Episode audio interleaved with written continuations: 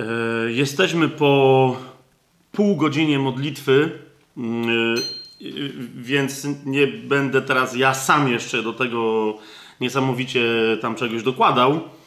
Niemniej zaproponuję, żebyśmy na e, ten czas, który jest teraz jeszcze przed nami, żebyśmy swoje serca, swoje myśli zwrócili ku Słowu Bożemu e, tak, jak Duch Święty chce, żebyśmy je zwrócili. Więc dlatego pozwólcie, że jeszcze e, zaproszę Was do, do krótkiej modlitwy o to, żeby Duch Święty przez to, co w tym momencie robimy, Mm, y, co On już zaczął robić w naszych sercach podczas tego uwielbienia, żeby, żeby to trwało, żebyśmy wyszli z tego naszego dzisiejszego spotkania z owocem, który On chce mieć. Nie, nie z tym, którego my szukamy, chyba że nasze pragnienia są, są, są naprawdę scalone i zjednoczone z Jego wolą.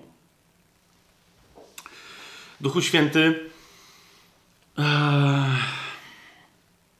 dziękuję Ci za ten czas, który Ty nam dzisiaj dajesz. Dziękuję Ci za tą społeczność, którą nam dzisiaj dajesz, chociaż jesteśmy w różnych, w różnych miejscach, ale to jest dobry czas, Duchu Święty, i dziękuję Ci za to, żebyśmy sobie jako Kościół, jako oblubienica Chrystusa, jako Jego ciało uświadamiali, że my jesteśmy społecznością duchową. Te ciała, w których się e, przemieszczamy po tym świecie, one należą do tego świata, a my nie należymy do tego świata. Więc mieszkając w tych ciałach, w tych namiotach nędznych, które mamy na to życie, jednocześnie wzdychamy i tęsknimy e, do tych nowych mieszkań, które Ty nam dasz, do tych zmartwychwstałych ciał, w których, w których chcesz, żebyśmy żyli na wieki. Dzięki Ci więc Duchu Święty, że, że, że w tym czasie możemy sobie uświadomić to, co nas prawdziwie konstytuuje, że jesteśmy, że jesteśmy nowym stworzeniem w duchu i że mamy łączność z braćmi i siostrami przez głowę, którą jest Chrystus, w duchu, w duchu, którego On nam dał. Duchu Święty, Ty, który nas jednoczysz, Ty, który jesteś naszym nauczycielem, Ty, o którym Pan Jezus powiedział, że przyjdziesz i przypomnisz nam wszystko, co, co On powiedział. Ty, który byłeś zapowiedziany jako nasz najważniejszy, w zasadzie jedyny nauczyciel. Wszyscy, inni albo, albo nauczają z ciebie i w tobie, albo w ogóle nie nauczają. Dzisiaj, Duchu Święty, przyjdź i, i mów nam o tym czasie, w jakim się znajdujemy. Mów nam o woli Ojca, której Panem jest, jest Jezus w naszym życiu. Mów nam dzisiaj o woli Ojca dla nas jako dla Kościoła i mów nam o woli Ojca przez Jezusa w Twojej mocy, Duchu Święty, w, w życiu każdej i każdego z nas osobiście i indywidualnie. Duchu Święty, proszę Cię, żeby każde słowo, które tu dzisiaj padnie, ale też każda myśl, która się będzie w nas rodzić, intencja, postanowienie, decyzja, proszę Cię, namaść te wszystkie ruchy, naszych duchów, żeby były całkowicie zjednoczone z Tobą, Duchu Święty. Proszę Cię, jak to czynisz, czyń to cały czas, rozlewaj miłość Ojca w naszych sercach. Ponieważ gdzie jest miłość, tam nie ma lęku. Rozlewaj miłość Ojca w naszych sercach. Daj, Panie, żebyśmy się wydoskonalili w miłości. Proszę Cię. Namaść każde słowo, każdą myśl, każdy odruch naszych, naszych serc w czasie tego spotkania. Poprowadź nas, Duchu Święty, żebyśmy i teraz wykonali w pełni wolę Ojca w imieniu Jezusa i żeby całe nasze życie stało się takim pełnieniem woli Ojca, jak, jak Jezus żyjąc pełnił wolę Ojca, tak żeby stało się, było to Jego pokarmem. Dzięki Ci, Duchu Święty. Dzięki Ci, Duchu Święty, za Twoją obecność tutaj. Dzięki Ci, Duchu Święty, za Twoją obecność wszędzie tam, gdzie, gdzie teraz ten mój głos jest słyszany. Dzięki Ci, Duchu Święty, za Twoją pracę w naszych sercach. Teraz na żywo i w przyszłości, kiedykolwiek ktoś będzie jeszcze słuchać nagrania z tego naszego dzisiejszego spotkania. Zjednocz nas, Panie, w słuchaniu Ciebie. Zjednocz nas, Panie, w modlitwie, w której abyśmy nigdy nie ustawali. Halleluja. Halleluja. Duchu Święty, przez Ciebie i w Tobie, przez Jezusa i w Nim chwała Ojcu. Teraz i przez wszystkie wieki. Amen. Amen. Kochani, myśl na, na dzisiejsze e, spotkanie, na tego live'a facebookowego jest następująca. E, ja e, się chcę podzielić z wami pewnymi myślami na dobry początek, bo to nie jest, ufam w Duchu Świętym, nie jest nasze jedyne spotkanie. Będzie ich więcej. Będziemy kontynuować pewne myśli, pewne kierunki, ale od czegoś trzeba zacząć. Mm, kiedy ustalaliśmy to spotkanie, ono się miało odbyć na żywo, jak Mateusz to wszystko organizował, i jeszcze nikt wtedy nie przypuszczał, że ono się będzie w taki sposób odbywać. Ale skoro się tak odbywa, to halleluja i chwała Panu. To znaczy, że, że Bóg chciał, żeby, e, żebyśmy się spotkali dokładnie w takich okolicznościach. I teraz w tych okolicznościach Michał powiedział, że, że i Mateusz też zapowiadał wcześniej, że to będzie nauczanie. Okej, okay, niech to będzie nauczanie, natomiast proszę cię, siostro, i proszę cię, bracie, odbierz to. E, szukaj w tym, co będę dzisiaj mówić, słowa mądrości dla siebie, ponieważ, ponieważ chciałbym, żeby to była tego rodzaju posługa. Nie takie typowe, regularne nauczanie, ale dzisiaj dokładnie tego potrzebujemy. Namaszczonej posługi, słowa mądrości. Być może jeszcze jakieś inne rzeczy tu dzisiaj się wydarzą. Więc ja y, mam parę, y, parę takich słów, które Pan mi położył na serce, jak jestem przekonany, na modlitwie przed naszym dzisiejszym spotkaniem i nimi się chcę podzielić. E, zacznę od pewnego komentarza, który mi e, Pan mocno położył e, na serce i będziemy szli dalej. Jest parę takich myśli. Jak powiedziałem, na dobry początek. Pierwsze to, to, to, są, to jest rzecz związana z tym, co się aktualnie dzieje. Myślę, że, że wielu chrześcijan bardzo mocno przez zaskoczenie wzięła ta pandemia w, światowa, w której się e, znaleźliśmy. Nie, w tym sensie, że, że, że, jakaś, że jakiś wirus się pojawił i, i coś tam się dzieje z ludźmi e, na całym świecie, ale w takim sensie, że nawet ci, którzy byli bardzo mocno przebudzeni, rozpaleni i gorliwi, mieli specyficzny rodzaj wyobrażenia na temat tego, co ma nadejść, zwłaszcza w kontekście dwóch haseł, e, które no, Także ja i głosiłem i zamierzam nadal y, głosić, zwłaszcza teraz, bo się cieszę, że ich realizacja nadchodzi. Dwóch haseł, które brzmią przebudzenie i żniwo. Przebudzenie i żniwo. Co prawda, y, od czterech lat mówiąc o tym, że nadciąga przebudzenie, w wyniku którego będziemy świadkami największego w historii żniwa dusz ludzkich, wielokrotnie mówiąc o tym też powtarzałem, e, żebyśmy zrezygnowali e, ze swoich wyobrażeń na temat tego, jak to będzie wyglądać. E, albo wręcz mówiłem, jakie to mogą być wyobrażenia i że na pewno tak się nie stanie.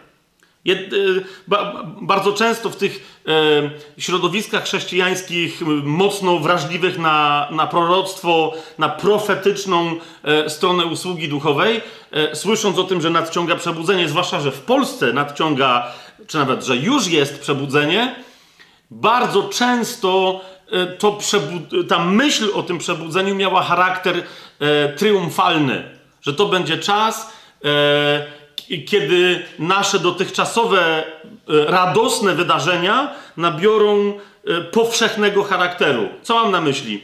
E, dla wielu chrześcijan najlepsze możliwe wydarzenia to były konferencje chrześcijańskie festiwale chrześcijańskie, koncerty chrześcijańskie, duże zgromadzenia, nawet nabożeństwa chrześcijańskie, na których było 100, 200, 300 osób, Bóg by dał, mm, na których, jak mówiliśmy, schodziło, stępowało na nas namaszczenie, e, modliliśmy się, wielbiliśmy, oddawaliśmy chwałę Bogu, było dobrze. I teraz dla wielu osób wyobrażenie przebudzenia to było wyobrażenie, że to się rozleje na cały kraj, na całą Europę, na cały świat, że, że, że na, No, no, właśnie, że będziemy się spotykać już nie w jakichś budynkach na 100, 200, 300 osób, ale że będziemy się spotykać na stadionach na 10, 20, 30 tysięcy osób. Ja nie mówię, że tak nie będzie, ale, ale Posłuchajcie o co mi chodzi.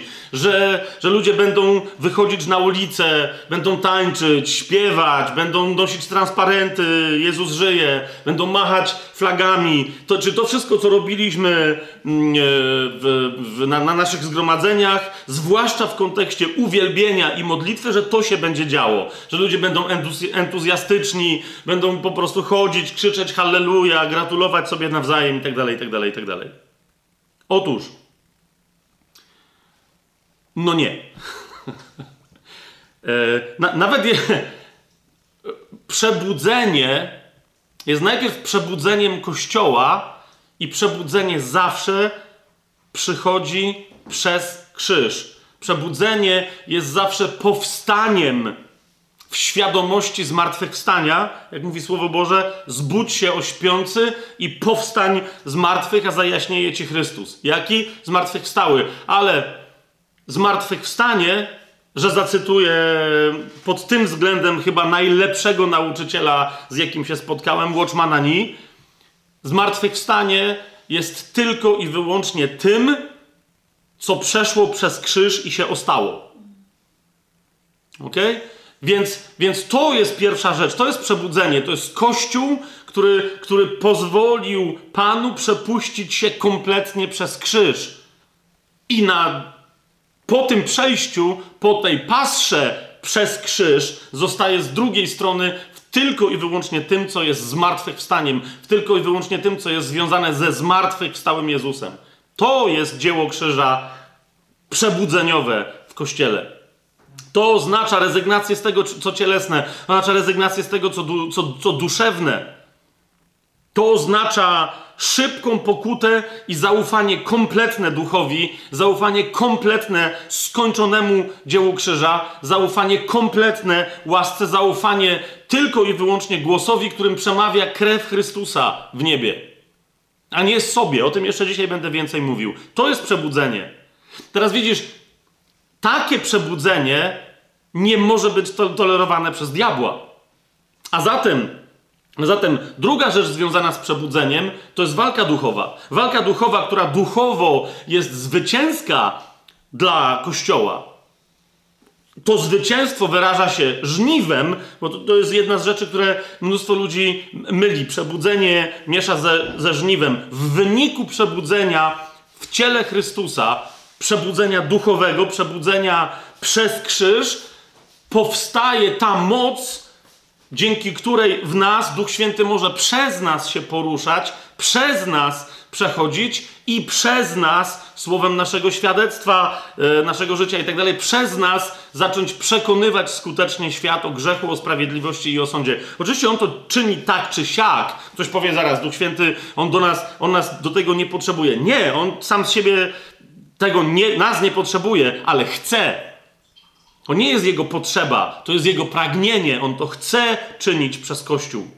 Bóg od początku mógłby wszystko rozwiązać jednym stryknięciem, ale jego wolą było posłać syna, temu synowi dać oblubienicę, dać żonę, którą jest Kościół, tej głowie dać ciało i działać przez swój Kościół i działać przez swoje ciało. A zatem w wyniku przebudzenia dochodzi do żniwa, zawsze, do żniwa dusz ludzkich. I to jest kolejna rzecz, która się nie podoba diabłu. To jest kolejna rzecz, przeciwko której on aktywnie próbuje y, walczyć. może nawet nie walczyć, to jest za duże słowo, bo on jest przegranym. Próbuje to zwalczać podstępnie, ostrzeliwać się z daleka, zastawiać zasadzki, sidła i pułapki na, na, na cudowne nogi tych, którzy idą, żeby głosić dobrą nowinę. Żeby wpadli w te sidła, uwikłali się i żeby nie wykonali swojego dzieła. A zatem przebudzenie będzie oznaczać masowy ruch, będzie oznaczać stadiony, będzie oznaczać e, zamknięcie wielu miejsc na dotychczasową działalność, a otwarcie e, na nową. W wielu miejscach hazardu, w, nie wiem, w domach publicznych, e, które do tej pory były pełne obrzydlistwa, prostytucji i tak dalej. W tej chwili mogą, te, te miejsca mogą się zamienić w, w, małe czy większe domowe czy, czy niedomowe zbory, zgromadzenia doraźne. Jeżeli tam mają baseny, jacuzzi czy cokolwiek, to, to, są, to są nasze chrzcielnice. Oczywiście, że tak. Oczywiście, że, że Pan, kiedy, kiedy się to żniwo zacznie, kiedy się zacznie głoszenie, oczywiście, że Pan może zakończyć, zobaczcie, co się teraz dzieje. Tak? Jeszcze, prawdę powiedziawszy, nic się nie dzieje z tego, co ma zacząć się dziać i już stadiony są puste i gotowe, żeby tam wejść, pod warunkiem, że oczywiście rząd nam na to pozwoli.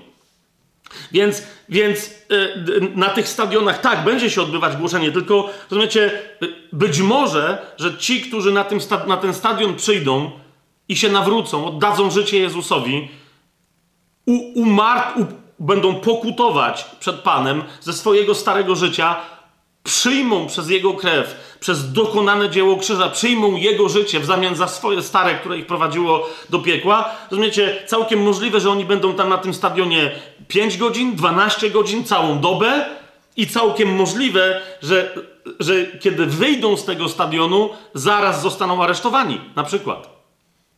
Ponieważ, yy, ponieważ yy, rozumiecie, przebudzenie i, i żniwo, coraz większe przebudzenie w Polsce i na świecie. I coraz potężniejsze żniwo, aż do tego ekstremalnego żniwa, kiedy w czasie bardzo krótkim, tak jak trwa e, ten zdwojony deszcz, który ostatecznie powoduje w Biblii opisany e, e, izraelski deszcz, który powoduje wzrost i dojrzewanie e, żniwa, kiedy, kiedy ten deszcz przyjdzie, to, to, to żniwo będzie potężne w bardzo krótkim czasie. Ale to, co my potrzebujemy zrozumieć, to, że to, to nie będzie czas e, niedzieli. To nie będzie czas wakacji, dla, że najpierw będzie fajnie, a potem dopiero przyjdą straszne rzeczy. Otóż to się będzie dziać jednocześnie.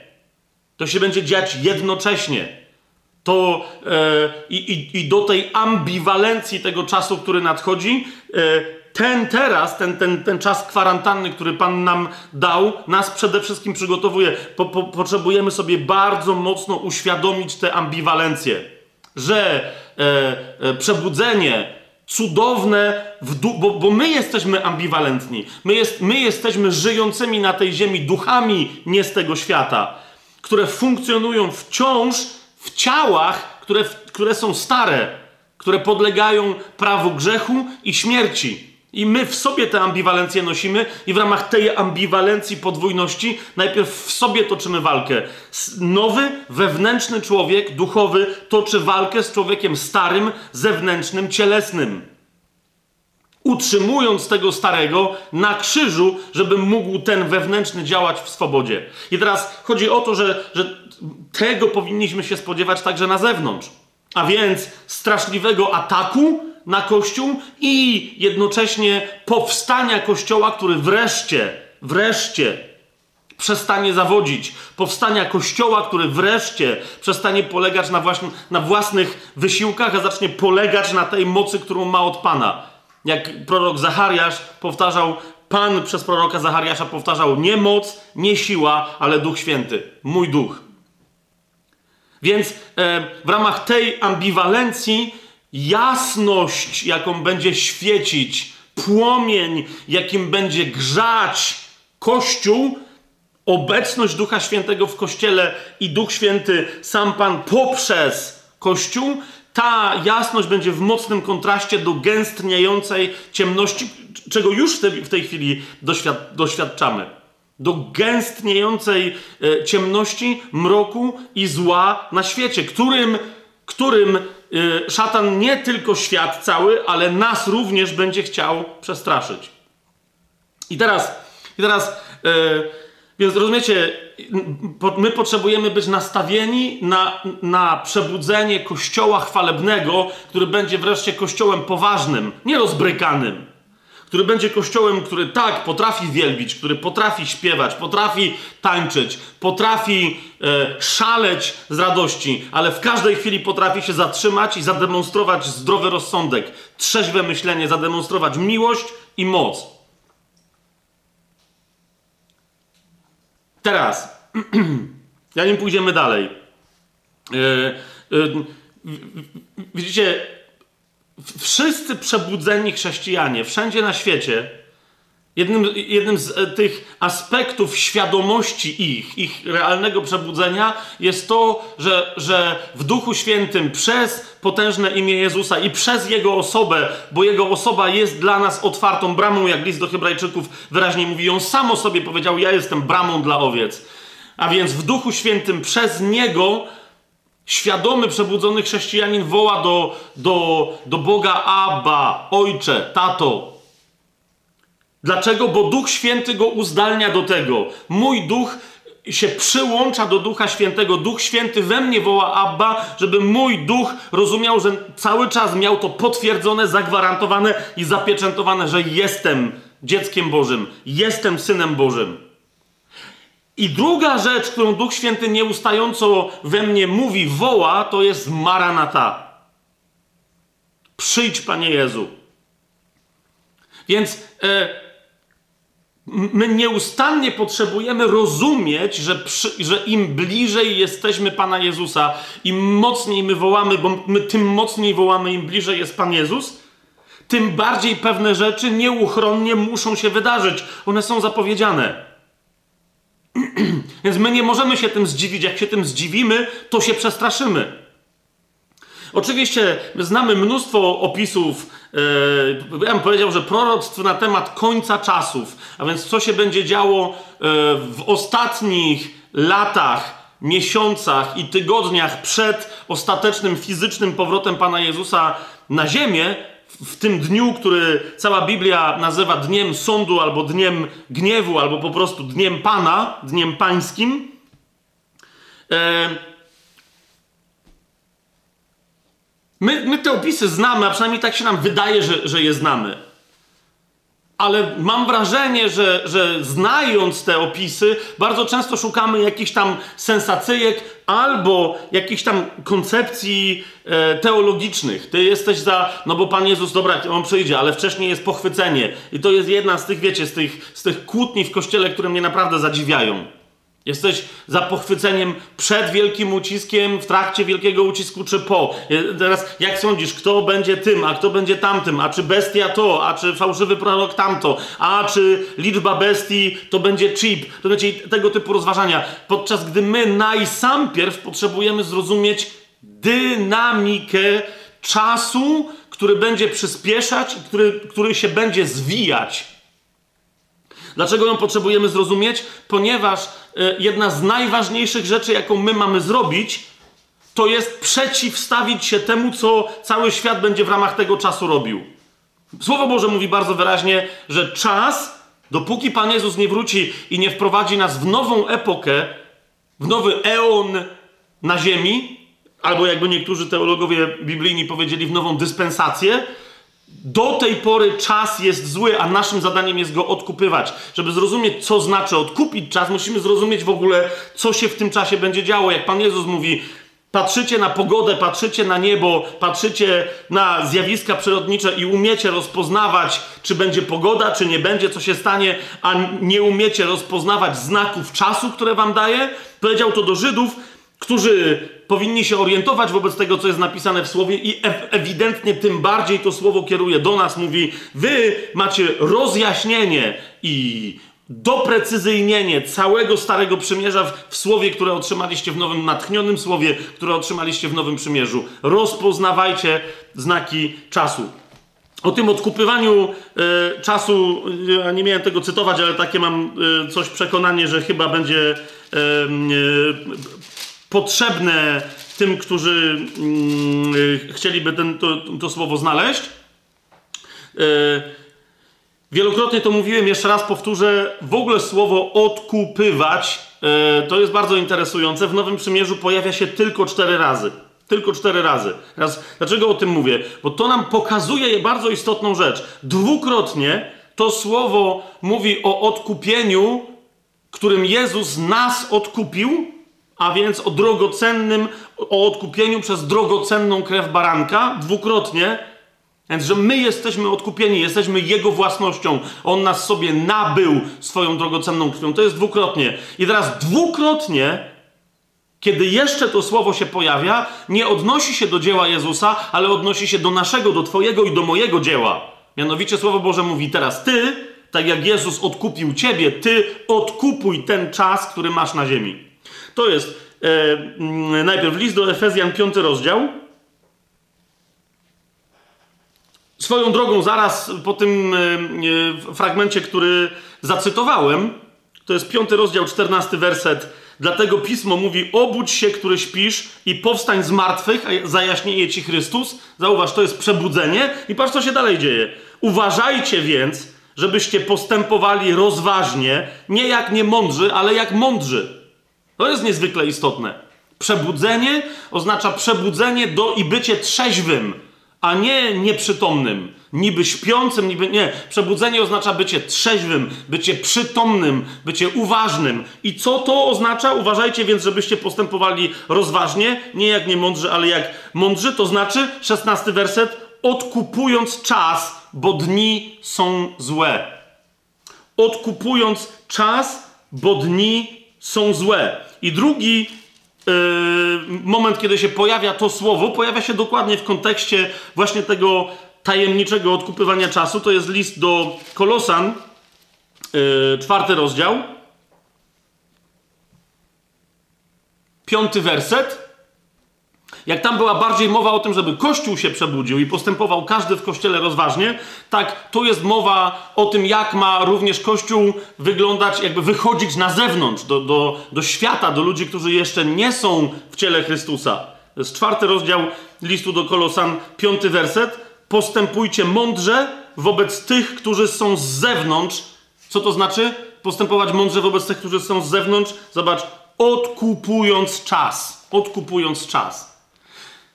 O tym jeszcze będziemy więcej mówić, co znaczy odkupywać czas, bo to znaczy po prostu e, żyć w zgodzie z wolą Bożą, ale, ale to jeszcze raz, to jest kolejne, często w naszych nauczaniach, kazaniach i tak dalej, wyświechtane sformułowanie, więc do tego jeszcze wrócimy.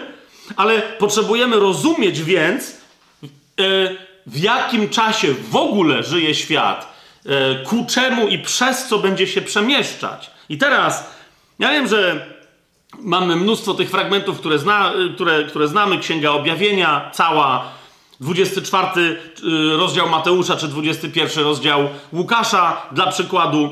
Ale kochani, najpierw chciałbym Wam zaproponować coś, co jest bardzo rzadko przywoływanym fragmentem, kiedy się mówi o czasach ostatnich. ostatnich. Jeden rozdział, który w ogóle tak czy siak y, polecam Ci Siostro, polecam ci bracie do przeczytania i rozważenia, bo on pokazuje szeroką perspektywę, dynamikę końca czasów. Otóż, to jest 24 rozdział Księgi Izajasza.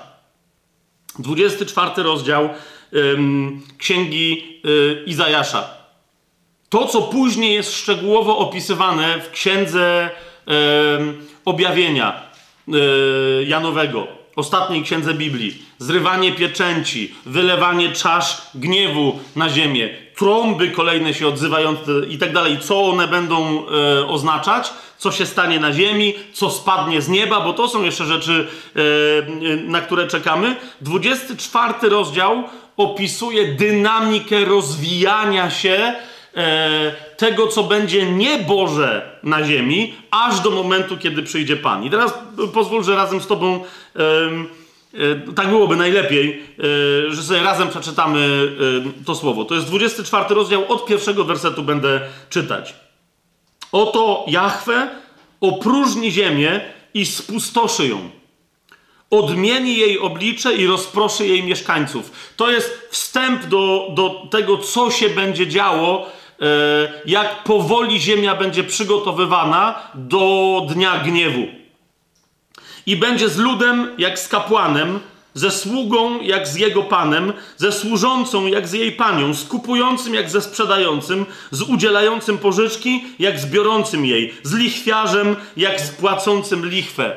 Bardzo wyraźnie to słowo nam mówi, że nadchodzi czas, kiedy bardzo mocno się wypłaszczą ze względu na los, jaki czeka ludzi, zwłaszcza no, niezbawionych, którzy będą się opierać na wróceniu, ze względu na ten los, jaki, jaki będzie czekać wszystkich mieszkańców Ziemi, wypłaszczą się wszelkiego rodzaju różnice. A więc los służącej nie będzie ani lepszy, ani gorszy od losu jej pani. Los sprzedającego od tego, który będzie kupować i odwrotnie. Los jakiegokolwiek wielkiego pana od kogoś, kto był najnędzniejszym żebrakiem. Dlaczego? Bo, jak Słowo Boże w wielu miejscach mówi, człowiek jest tylko ciałem. I kiedy ciało zaczyna być, do, może być nie wiem jak bogaty bogacz. No, to zresztą któryś z bogaczy, mniejsza teraz o jego no, nazwisko, w pewnym momencie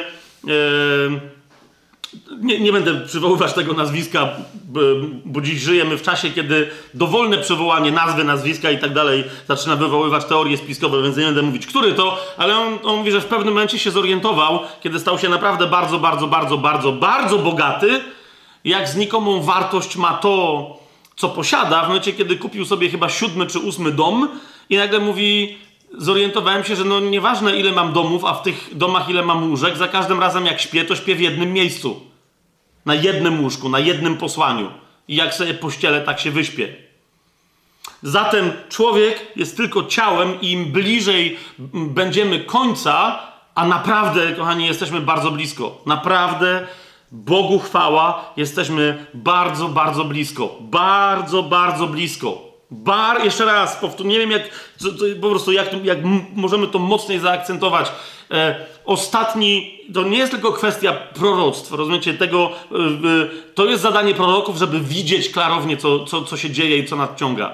Ale jednocześnie, jak znasz Słowo Boże, jak wiele w Słowie Bożym jest szczegółów, które mówią, co się musi wydarzyć, zanim się następne rzeczy wydarzą, a one, jak się wydarzą, no to wtedy wiadomo, że i tak dalej to widząc to, co się dzieje na świecie, ja przez, ostatnie, przez ostatni rok w wielu miejscach, jak mówiłem, to zasadniczo mówiłem, zanim do jakiegoś nauczania dochodziło, mówiłem, ej, zobaczcie na Słowo Boże i zobaczcie, co się dzieje na Bliskim Wschodzie, zobaczcie, co się dzieje w Azji, zobaczcie, co się dzieje z takimi zjawiskami przyrodniczymi, zobaczcie, co się dzieje tu, patrzcie w niebo, patrzcie i tak dalej, ponieważ Słowo Boże mówi, że się zaczną dziać rzeczy i one się dzieją.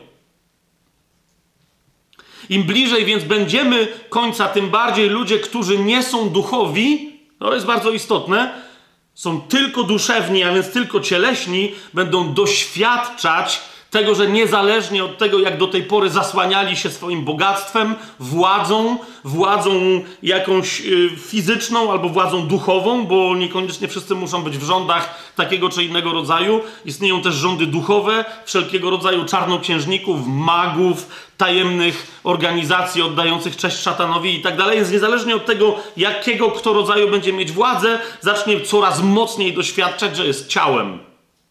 Idziemy dalej. E, ten 24 rozdział Księgi Izajasza, trzeci werset.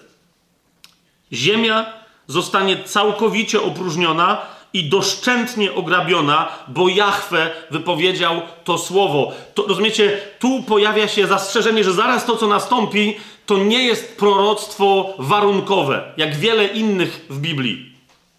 Są proroctwa warunkowe i są proroctwa, które się spełnią dokładnie tak, jak są opisane. Są proroctwa, w ramach których Pan mówi, jeżeli się nawrócicie, to coś tam, a jeżeli się nie, nawróci, nie nawrócicie, to, to coś innego. Z takim proroctwem warunkowym Jonasz na przykład przyszedł do Niniwy.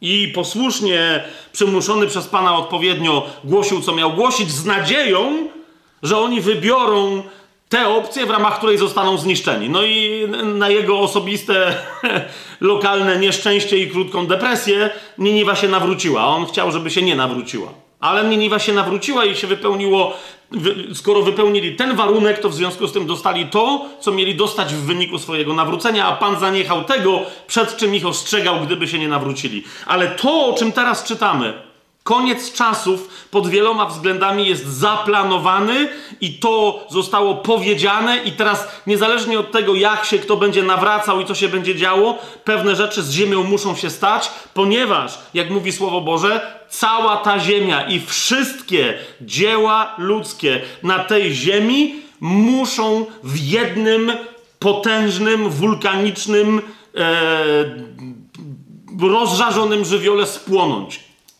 Jak jeden z nauczycieli, których bardzo szanuję, Chuck Missler parokrotnie powtarzał, prawdopodobnie jedynym ludzkim dziełem, który, który, yy, które przetrwa Armagedon, jedynym ludzkim dziełem, który, które, które było wykonane w tym wieku i przetrwa do, do tysiącletniego królestwa i pozostanie nadal takie samo w wiecznym królestwie, jedynym ludzkim dziełem będą rany Jezusa na jego ciele, które sobie zostawił. Przebite ręce, przebite nogi i przebity bok. I to będzie prawdopodobnie jedyne dzieło. Dlaczego? Bo Pan postanowił to dzieło na sobie zostawić. Ponieważ Słowo Boże wyrzekło, ja sobie wyryłem Twoje imię, dziecko, na moich dłoniach. I dlatego Pan to zostawi. Mówi, wy mi wyryliście, ale ja na to pozwoliłem, żebyście wyryli, bo to jest obraz mojej miłości. Tak mówi Ojciec przez swojego Syna ukrzyżowanego i zmartwychwstałego w, w Duchu Świętym.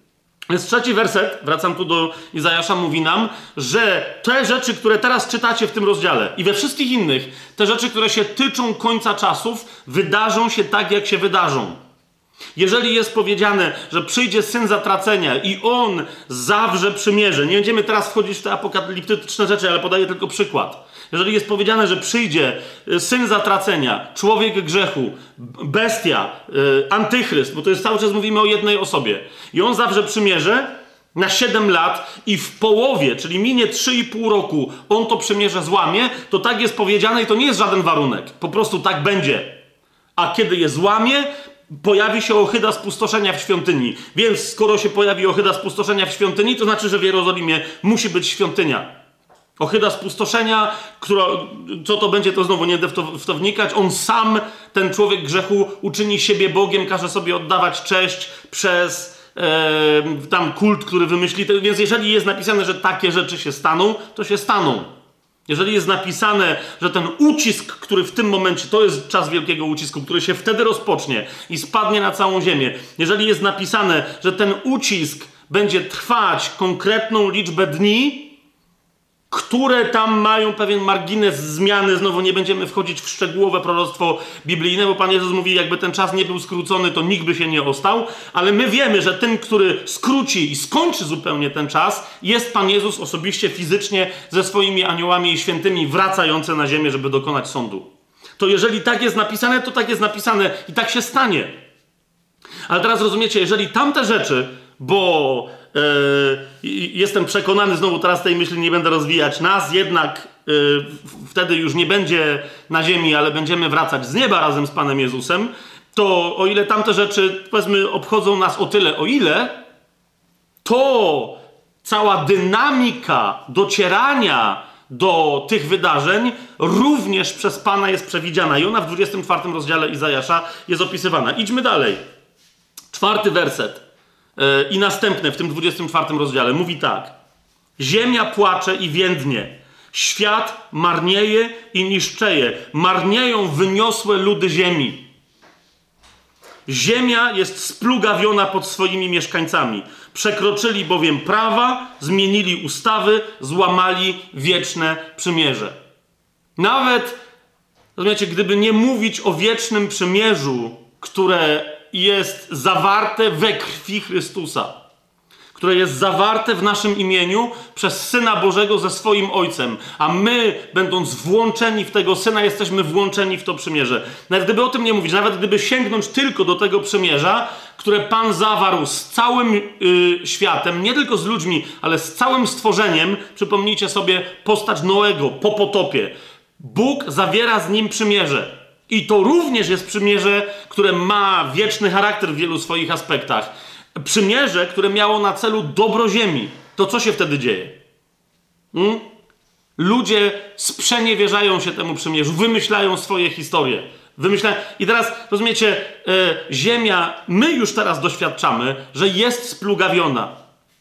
Najbardziej naturalne Mm, przymierza, które w ramach tego Bożego przymierza były nam dane, na przykład przymierze małżeńskie, są plugawione przez rozmaite koncepcje, teorie, zasady. Wszystkie te zasady to są, to są diabelskie wymysły, które mają splugawić to, co Bóg nam dał jako przymierze i w ramach swojego przymierza.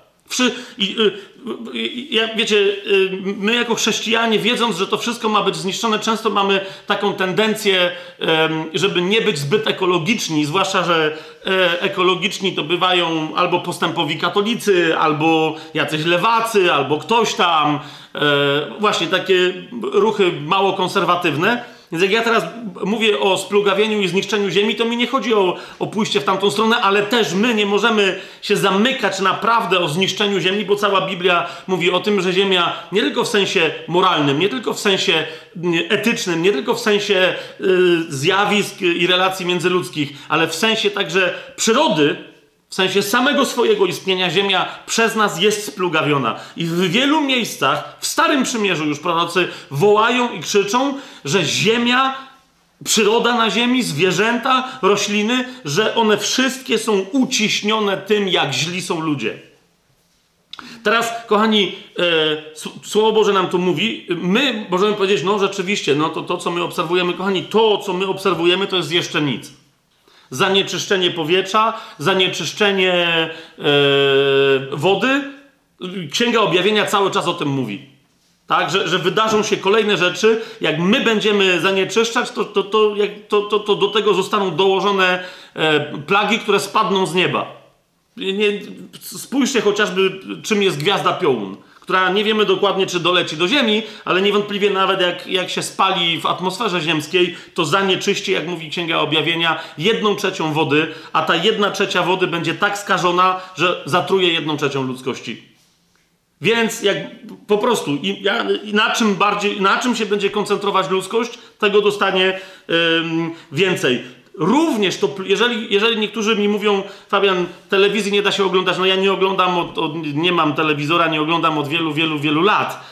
Ale no, niektórzy też mówią, no ja już też nie oglądam, bo się przeniosłem do internetu. Wiesz, że tam jest plugastwa? No, no, no może, ale, ale rozumiecie, nadal w przestrzeni publicznej to plugastwo, ta nieczystość, ten brud, ta niemoralność, które zostały dopuszczone, są niczym wobec tego, co się jeszcze stanie. Księga Objawienia mówi, że niezależnie od tego, jak y, straszne spadną w pewnym momencie ostrzegawcze, nakłaniające do, y, do nawrócenia się sądy przedwstępne, to ludzie nie odwrócą się od swoich grzechów, a w pewnym momencie wpadną w takie zatwardzenie niektórzy, e, zatwardziałość, zatwardzenie umysłu i serca, że zaczną bluźnić Bogu nie, mimo, że sami spowodują większość tych katastrof, kiedy Pan powie, no to zobaczcie, co się może wydarzyć, jak ja zainterweniuję, to powiedzą, to wszystko jest wina Boga. Szósty werset i dalej, dlatego przekleństwo pożre ziemię, a jej mieszkańcy zniszczeją. Dlatego mieszkańcy ziemi są przypaleni, a zostało mało ludzi. Młode wino smuci się, winorośl marnieje, wzdychają wszyscy ludzie wesołego serca. Ustała wesołość bębnów, skończył się krzyk weselących się, ucichł radosny dźwięk harfy. Nie będą pić wina wśród pieśni, zgorzknieje mocny napój tym, którzy go piją. Zwróćcie uwagę na ten werset. Zburzone jest miasto bez ładu, zamknięty jest każdy dom, także wejść nie można. Niektórzy mówią, jaki to jest dramat, że teraz jesteśmy pozamykani w domach. Kochani, to jest ja, ja wiem, że gospodarka pada, że tam się te wszystkie rzeczy dzieją, ale to my powinniśmy, powinniśmy, powinniśmy być na to przygotowani. Na, na razie my jesteśmy w domach, tak że nam wyjść nie za bardzo wolno. To jeszcze nie jest ten czas, kiedy ludzie się będą zamykać w domach z takim lękiem, że się nie będzie dało do nich wejść, ponieważ się będą tam ryglować i barykadować. Z rozmaitych powodów. Będą się ryglować i barykadować przed innymi ludźmi, którzy się będą chcieli wedrzeć, żeby im coś wziąć, ale być może, że będą się ryglować i barykadować nawet przed powietrzem, które będzie na zewnątrz. Przed zjawiskami, które się będą działy na zewnątrz, przed wypuszczonymi demonami, które będą być może całkiem konkretnie fizycznie się objawiać i manifestować na zewnątrz. Na ulicach wołanie o wino, zgasła wszelka radość, a wesołość ziemi odeszła. W mieście pozostało spustoszenie, a bramy zburzone. Tak bowiem będzie pośród ziemi, pośród ludu, jak przy otrząsaniu drzewa oliwnego, jak ostatki winogron po winobraniu. Tamci poniosą swój głos, będą śpiewać dla majestatu Jahwe, wykrzykną od strony morza. Widzicie, kto będzie śpiewać w czasie, kiedy ucichnie harfa, cytra, ludzie nie będą pić, w związku z tym będą mniej śpiewać, będą się smucić, będą się ryglować w domach. Ci, którzy mimo tego, jak będzie gęstnieć mrok i jak będą gęstnieć przerażające wizje tego, co jeszcze ma nadejść, to są ci, którzy nie wpuszczają lęku do swojego serca.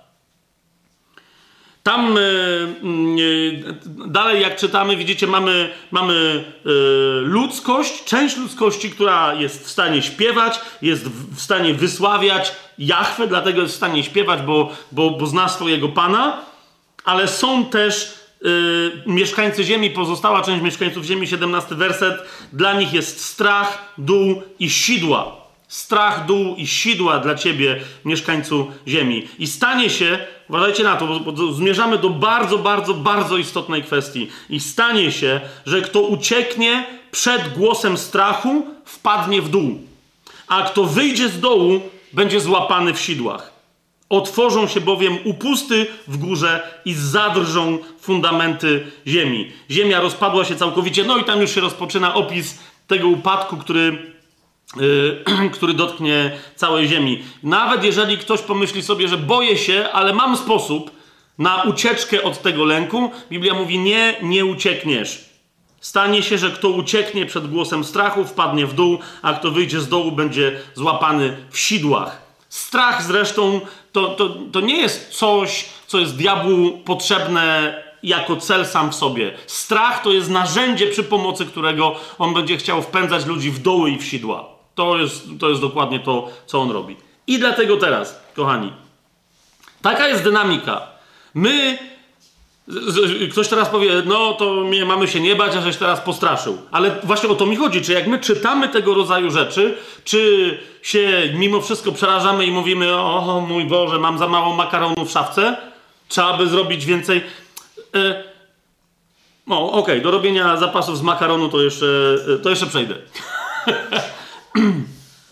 Otóż teraz, kochani, jak, jak, jak widzimy tą szeroko, po, poczytajcie, nie będę tam całego tego rozdziału, poczytajcie 24 e, rozdział Izajasza. E, jeden z takich bardziej komplementarnych, całościowych, a krótkich opisów dynamiki tego, co się stanie, aż do momentu, kiedy Pan powróci, bo jak zauważycie, pod koniec tego rozdziału Pan już powraca e, i rozpoczyna się tysiącletnie i wieczne królestwo. Rozpoczyna się zupełnie, zupełnie mm, nowa era. Ale teraz, ale teraz, jakie, jakie, jakie mamy dwie, a może nawet trzy rzeczy, one są ze sobą połączone, o których sobie musimy przypomnieć i regularnie przypominać w tym czasie, który, w którym się teraz znajdujemy. Mamy dwa takie mocne, uzupełniające się rozdziały one są dość złożone. Ja dzisiaj nie będę za bardzo, nawet jak ktoś o to zapyta, to nie będę dzisiaj na to odpowiadać, bo im się trzeba dobrze przyjrzeć. Rozdziały, które mówią o końcu Jerozolimy, tej z czasów Pana Jezusa i o końcu świątyni tej z czasów Pana Jezusa. Są dwa rozdziały z, z Mateusza, jeden, a drugi z Łukasza, które mówią e, e, o tym, że jeszcze tamto pokolenie doświadczy sym, realnie doświadczy upadku Jerozolimy i ucisku e, i pojawienia się pogan i podeptania świątyni przez pogan i zburzenia e, świątyni, ale że jednocześnie to będą pewne symbole zapowiadające rzeczy, które się wydarzą przy samym końcu całego czasu te, tego tak istniejącego świata i tego wieku. Więc tam jest pewnego rodzaju złożenie i nie będziemy teraz w to złożenie wchodzić. Trzeba przy tym, to jest 24 rozdział Ewangelii Mateusza i 21 rozdział Ewangelii yy, Łukasza. To są te, te takie przemowy Pana Jezusa z Góry Oliwnej na temat końca świątyni jerozolimskiej, jerozolimskiej tej, którą zbudował Herod Wielki, które się też odnoszą do końca czasów w ogóle. Teraz sporo, tam jest sporo kontrowersji rozmaitych wynikających właśnie w, interpretacji tych fragmentów, wynikających z niezrozumienia, że Pan Jezus e, mówi do uczniów, którzy go pytają, powiedz nam, kiedy się to stanie i jaki będzie znak Twojego przyjścia i końca świata. A Pan Jezus mówi, najpierw się wasz świat, e, Żydów do których ja też należę, najpierw się ten świat e, wam zawali, a, a potem dopiero się zawali w ogóle świat i się skończy ta epoka, a zacznie następna, kiedy ja przyjdę. I teraz tu się pojawia niezrozumienie, co Pan Jezus mówi do, do chrześcijan, co Pan Jezus mówi do Żydów lub też i chrześcijan, którzy będą tuż przed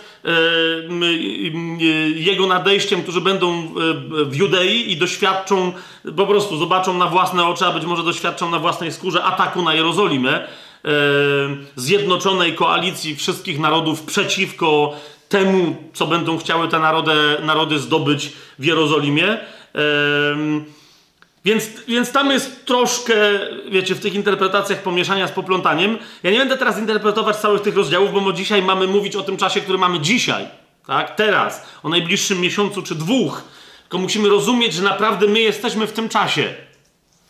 Otóż Pan Jezus w tym wszystkim podaje uniwersalne dwie, a mówię nawet trzy zasady, jakby je dobrze rozbić, o, o których my dzisiaj potrzebujemy sobie bardzo mocno e, przypomnieć. Otóż po pierwsze, po pierwsze, to jest 24 rozdział Ewangelii Mateusza. Jeszcze raz, potem sobie poczytajcie 21 e, rozdział Ewangelii Łukasza dla porównania. Tam zresztą też się za chwilę przeniesiemy. E, no ale na razie będę cytować Ewangelię Mateusza. To jest 24 rozdział Ewangelii Mateusza. Pan Jezus mówi tak. To jest czwarty werset. Tak? Pierwsze co, a, a oni się go pytają, bo są ciekawi. Dobra, jakie będą znaki, co się będzie działo? Opowiedz nam, Panie Jezu, apokalipsę. A on im odpowiada, czwarty werset, i odpowiedział im Jezus: Uważajcie, aby was ktoś nie zwiódł. To jest pierwsza rzecz. Uważajcie, aby was ktoś nie zwiódł. Wielu bowiem przyjdzie pod moim imieniem, mówiąc: Ja jestem Chrystusem, i wielu zwiodą. No, pytacie, nie, nie, ale to jakżeż, przecież to, to, to nie, no to się, to przecież my się nie damy, e, my się nie damy zrobić w konia. Yy, myślę, że praca, to nie jest czas, żeby w to wchodzić, ale myślę, że praca duchowa, diabelska, wykonywana nie w świecie, bo tam to jest jasne. Tam diabeł działa przez grzech, przez kuszenie, przez e, straszenie, E, albo budzenie porządliwości ludzkiej. Trojakiej, o której pisze Jan w swoim pierwszym liście. Tam to jest proste, ale, ale diabeł wykonywał pewną pracę w kościele i my sobie musimy z tego zdać sprawę. Hmm? Przychodziły duchy udające Ducha Świętego, rozmaite. Teraz nie, nie, nie, żeby mi ktoś nie wkładał w moje usta słowa, których nie wypowiedziałem. Rozmaite teologie, nurty, koncepcje, bardzo rozmaite. Bardzo rozmaite. Bardzo rozmaite. Żeby teraz nie było, że ja piję do jednych albo do drugich. Nie, nie, nie, nie. Ja piję do wszystkich na czele z samym sobą. Bo to nie jest tak, że, że Duch Święty y, działa w nas, a w nich na pewno ich diabeł zwiódł. To jest jedno z podstawowych zwiedzeń diabelskich, żeby upewniać kogoś, kto jest zwiedziony, że nie jest zwiedziony i żeby zwiedzenie widział zawsze w drugim.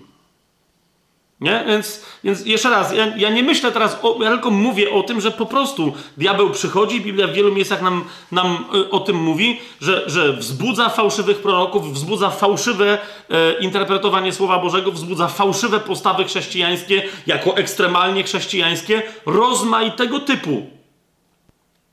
I teraz my się potrzebujemy nauczyć rozpoznawać e, te duchy, które przychodzą zazwyczaj do chrześcijan pod postacią anioła światło, światłości. Paweł o tym mówi Koryntianom, mówi, hej, co się dziwicie, że różne dziady do was przychodzą, skoro nawet diabeł, po prostu, zły duch jak do was przychodzi, to, to dokładnie jest to, co on robi. Udaje anioła światłości.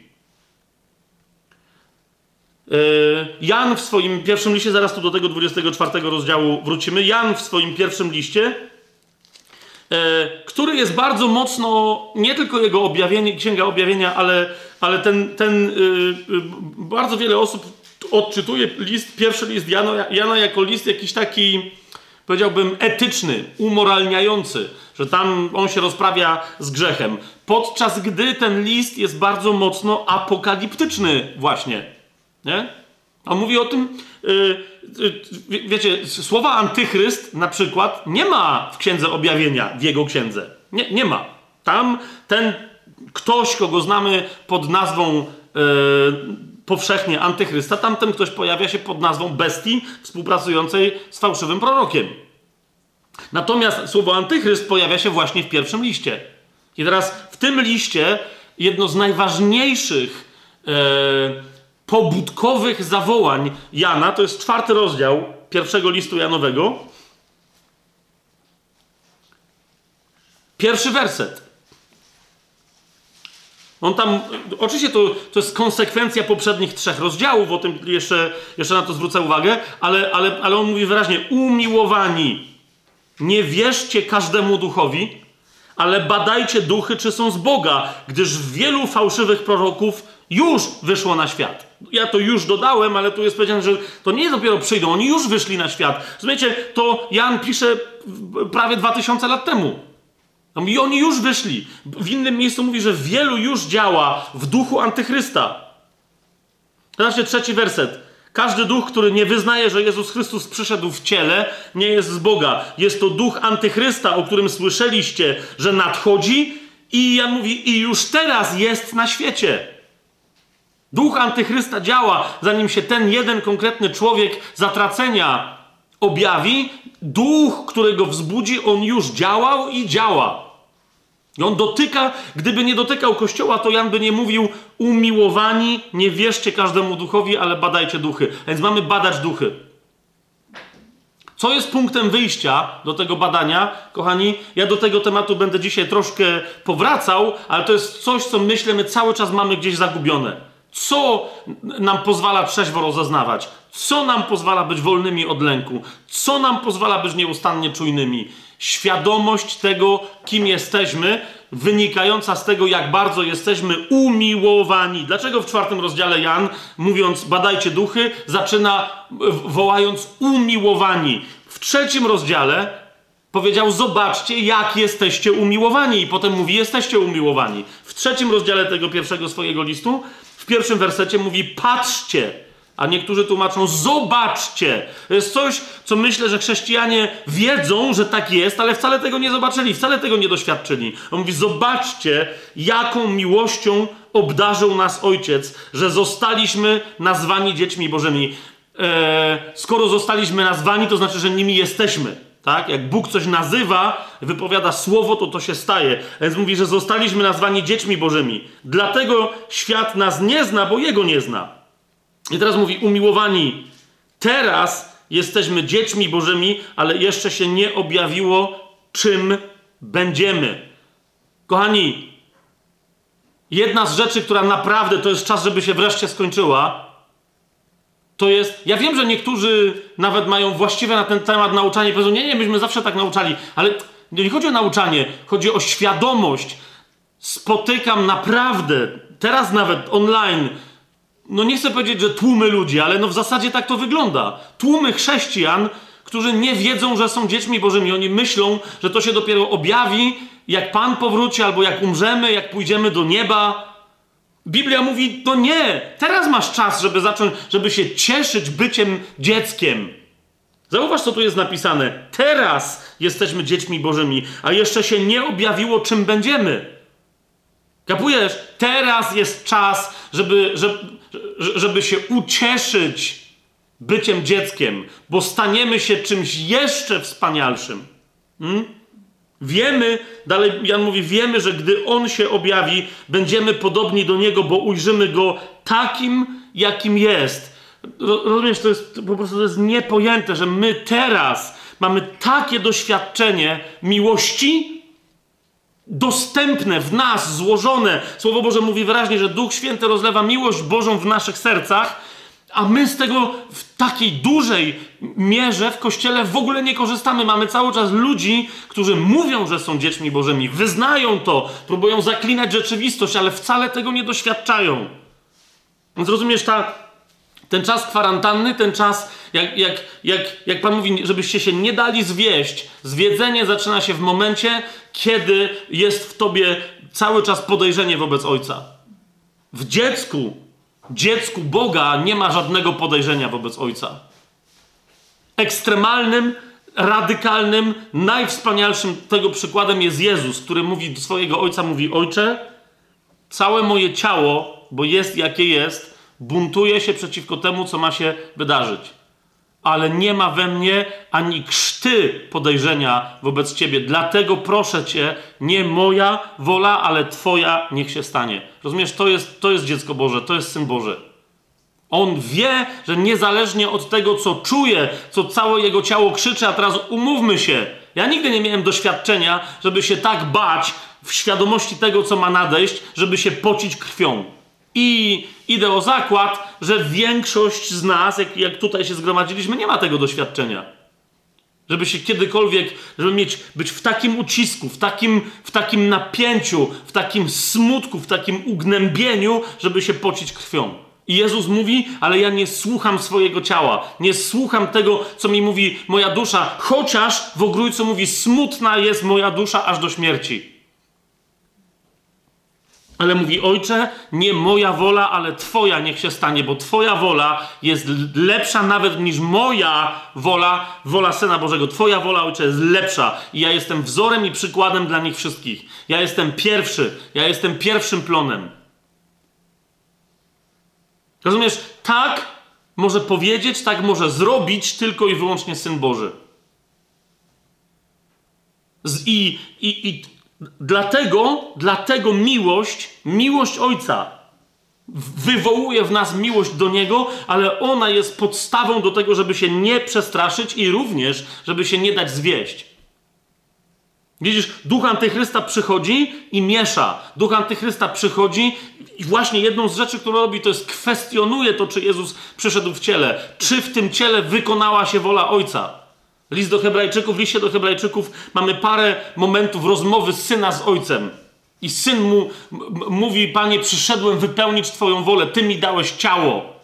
I list do Hebrajczyków mówi, i mocą tej woli zostaliśmy zbawieni. Woli Ojca, który dał synowi ciało, i woli syna, który to ciało złożył w ofierze dla Twojego i dla mojego, dla naszego odkupienia. Halleluja! Halleluja! Czwartym rozdziale pierwszego listu Janowego, w czwartym wersecie, o nie, nie o świecie, nie o świecie, ale właśnie przede wszystkim o duchu antychrysta, o antychrystach, o demonach wzbudzających ludzi w duchu antychrysta. Idee, koncepcje. Jan mówi: Dzieci, wy jesteście z Boga i zwyciężyliście ich, ponieważ ten, który jest w Was, jest większy niż ten, który jest na świecie. Skąd wiesz, skąd wiesz, że, że, że ten, który jest w tobie, skąd ja wiem, że ten, który jest we mnie, jest większy? Skąd? Bo mam ducha. A skąd ja wiem, że mam ducha? Ponieważ słyszę w moim duchu głos wołający Abba i mogę się do niego przyłączyć. Całe Słowo Boże mówi wyraźnie, że duch, po, robiąc to wszystko, co, co robi, jest nam dany także po to, żeby był na, na dowód dla naszego ducha, że jesteśmy dziećmi Bożymi. Jeszcze raz, nawet już nie będę w, w, w, w te wszystkie fragmenty tam wchodził. Wracamy do Ewangelii Mateusza. Więc Pan Jezus mówi, Uważajcie, żeby was ktoś nie zwiódł. Badajcie duchy. Nie, nie możesz zaprzestać badania. Absolutnie. To jest bardzo mocno związane z drugą rzeczą, mianowicie ze strachem. W 24 rozdziale Ewangelii Mateusza E, po tym piątym wersecie, gdzie jest powiedziane, że wielu przyjdzie i będzie mówić, ja jestem Chrystusem i wielu zwiodą, w szóstym wersecie Pan Jezus mówi, usłyszycie też o wojnach i pogłoski o wojnach, a więc usłyszycie o tym, że jakaś wojna e, rzeczywiście wybuchła oraz, że jakieś wojny mają wybuchnąć, że nadchodzą. I teraz uważajcie, zwróć uwagę, co tu się dzieje jak Pan Jezus mówi wcześniej, uważajcie, żeby was ktoś nie zwiódł. Mówi druga rzecz, uważajcie, bo, to, bo tu nikt was nie będzie zwodził. Sami się możecie zwieść. Kiedy? Kiedy się przestraszycie. Jak ulegniesz strachowi, wpadniesz w dół, a jak się wygrzebiesz z dołu, to się okaże, że z drugiej strony dołu są sidła. Dlatego Pan Jezus mówi: Uważajcie, żebyście się nie trwożyli. Wszystko to bowiem musi się stać, ale to jeszcze nie koniec. O, Pan Jezus wręcz mówi: to nawet jeszcze za bardzo nie jest początek. Niektórzy mówią, Fabian, przychodzą, mówią, Fabian, koronawirus, czy to już jest koniec, czy to... Zobacz, co Pan Jezus powiedział dalej, siódmy werset. Powstanie bowiem naród przeciwko narodowi i królestwo przeciwko królestwu. I teraz patrz, co się dzieje. I będzie głód, zaraza i trzęsienia ziemi w wielu miejscach. Ja wiem, że zasadniczo tu mamy tłumaczenie miejscami, e, ale wiele manuskryptów jakby rozjaśnia tę myśl, że tu chodzi o to, no bo trzęsienia ziemi to non-stop są miejscami, tak? Tutaj chodzi o trzęsienia ziemi, które będą naraz w wielu miejscach, które będą wyjątkowe. I teraz e, powiedz mi, czy to, co teraz się dzieje, możemy już nazwać zarazą w sensie e, biblijnym, w sensie biblijnych, apokaliptycznych rozmiarów? Jeszcze nie. Ja nie twierdzę, że koronawirus się w coś takiego nie zmieni. Ja tylko mówię o tym, że, że to jeszcze nie jest to. Jeszcze, jeszcze raz, po, poczytaj historię, co się będzie działo z ludźmi w Księdze Objawienia w pewnym momencie. Jak zaczną czasze być wylewane, czasze gniewu, e, czasze gniewu na ziemię i, i się rozlegnie biada nad ziemią. I co się wtedy będzie działo? Słowo Boże mówi, że ludzie by, będą cierpieć z, z własnej winy. Będą cierpieć tak, że będą chcieli umrzeć i nie będą mogli umrzeć. No, być może, że w wyniku, że ta zaraza się zamieni w jakąś tam zarazę, chociaż osobiście wątpię, to jeszcze nie jest to. Być może, że w wyniku teraz tej zarazy e, rzeczywiście dojdzie do krachu gospodarczego i ten krach gospodarczy zamieni się, e, doprowadzi do głodu na ziemi w wielu miejscach. Być może. Ale rozumiesz, wobec tego wszystkiego Pan Jezus mówi: najważniejsze, uważajcie, abyście się nie trwożyli. I jeszcze raz wrócę do tego pierwszego listu Janowego. Przypomnij sobie, Dlaczego tak bardzo potrzebujemy zanurzyć się w duchu Ojca w tym czasie? I naprawdę Pan nam, Pan nam dał, powiedział, ludu mój, wycofaj się, zamknij się w swoich mieszkaniach, odczekaj tę chwilę, Odczekaj tę chwilę, wykorzystaj tę chwilę, bo naprawdę, wiecie, niektórzy mówią, że już by chcieli wyjść i coś robić, i, i... myślę, że przyjdzie taki czas, że niektórzy spojrzą wstecz na czas tej kwarantanny, którą, którą Pan nam dał, i będą żałować, że nie wykorzystali tego czasu odpowiednio. Ponieważ pracy w pewnym momencie będzie tak wiele, dla tych, którzy będą przebudzeni, że trzeba będzie naprawdę powalczyć o czas intymności z Bogiem.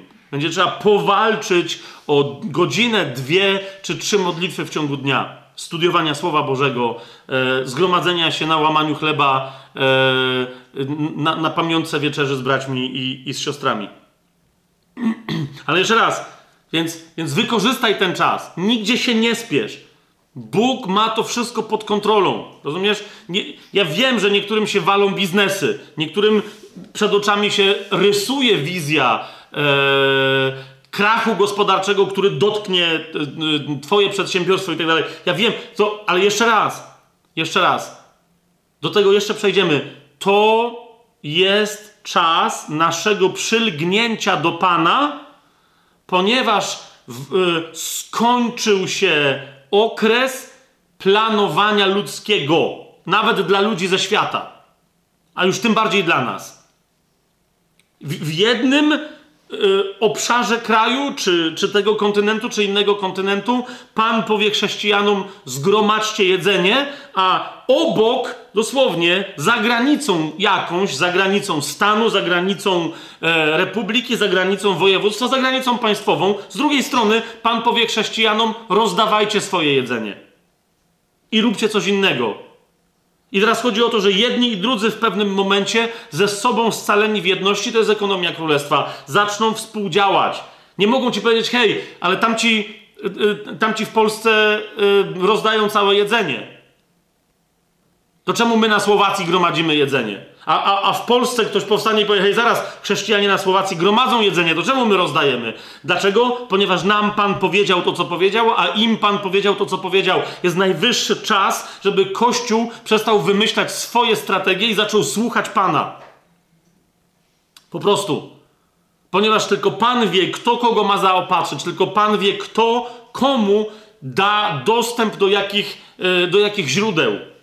Zresztą wielu, y, wiem o tym, że wielu y, w tym momencie przedsiębiorców, biznesmenów, y, nie tylko ludzi, którzy się zajmują rozmaitymi przedsięwzięciami, zaczęło doświadczać w pierwszej chwili, kiedy się w, w połowie marca pojawił dramat, ej, co się dzieje, gospodarka stanęła i tak dalej. I niektórzy powiedzieli: Nie, nie, nie, ja jestem w rękach Pana. Panie, czego Ty teraz ode mnie chcesz? Co się nagle okazało? Okazało się, że biznes, który, który działał, działał, działał, ale cały czas jak krew z nosa trzeba było zysk wydobywać z tego biznesu, nagle w momencie, kiedy wyglądało, że wszystko się skończy w ciągu tygodnia, nagle się otworzyły zupełnie nowe drzwi i nowe możliwości. I Pan mówi: Zobacz, słuchaj mnie, ale panie, ale za tydzień, już za tydzień będzie coś innego, i za tydzień było coś innego, i tak dalej. Więc wracamy do tego czwartego rozdziału. Jeszcze raz, dlaczego miłość jest tak kluczowa i Twoje zanurzenie się w tej miłości i jednocześnie od środka wypełnienie się y, tą miłością. Y, czwarty rozdział pierwszego, y, pierwszego listu Janowego.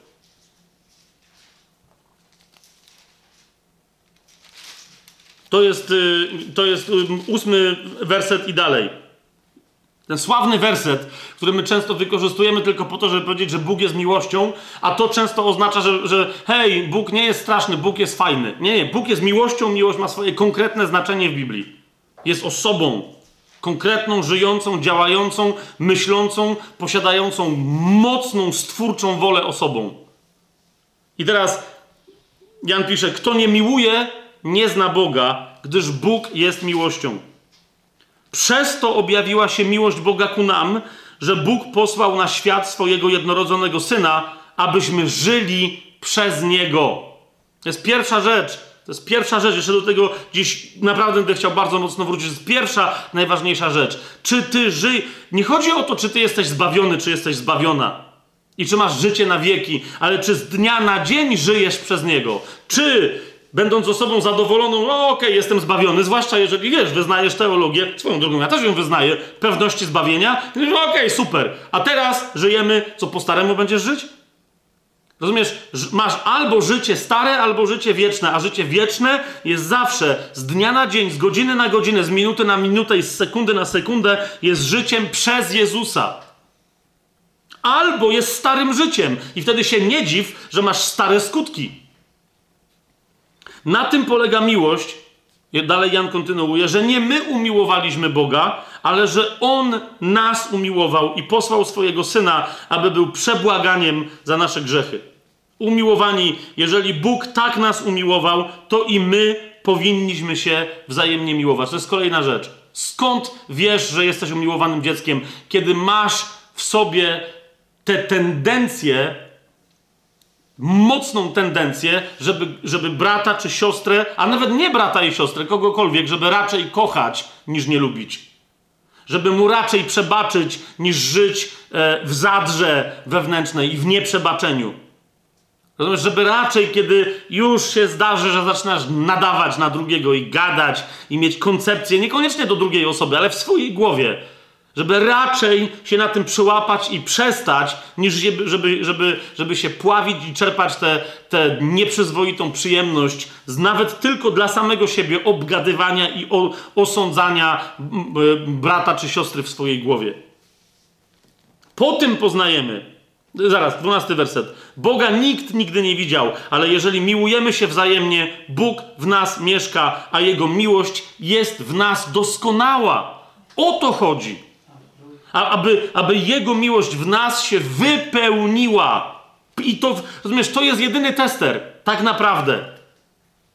Jak, jak go nie masz, ja, ja regularnie yy, każdego dnia się przełapuję na tym, że moja miłość jeszcze się tak nie wydoskonaliła. Cały czas mam jakieś swoje koncepcje, swoje historie, swoje coś tam. Ale rozumiesz, to, to jest to. Dalej zobacz, to jest. Po tym poznajemy, że wy, my w nim mieszkamy, a on w nas, że dał nam swojego ducha. To jest kolejna rzecz.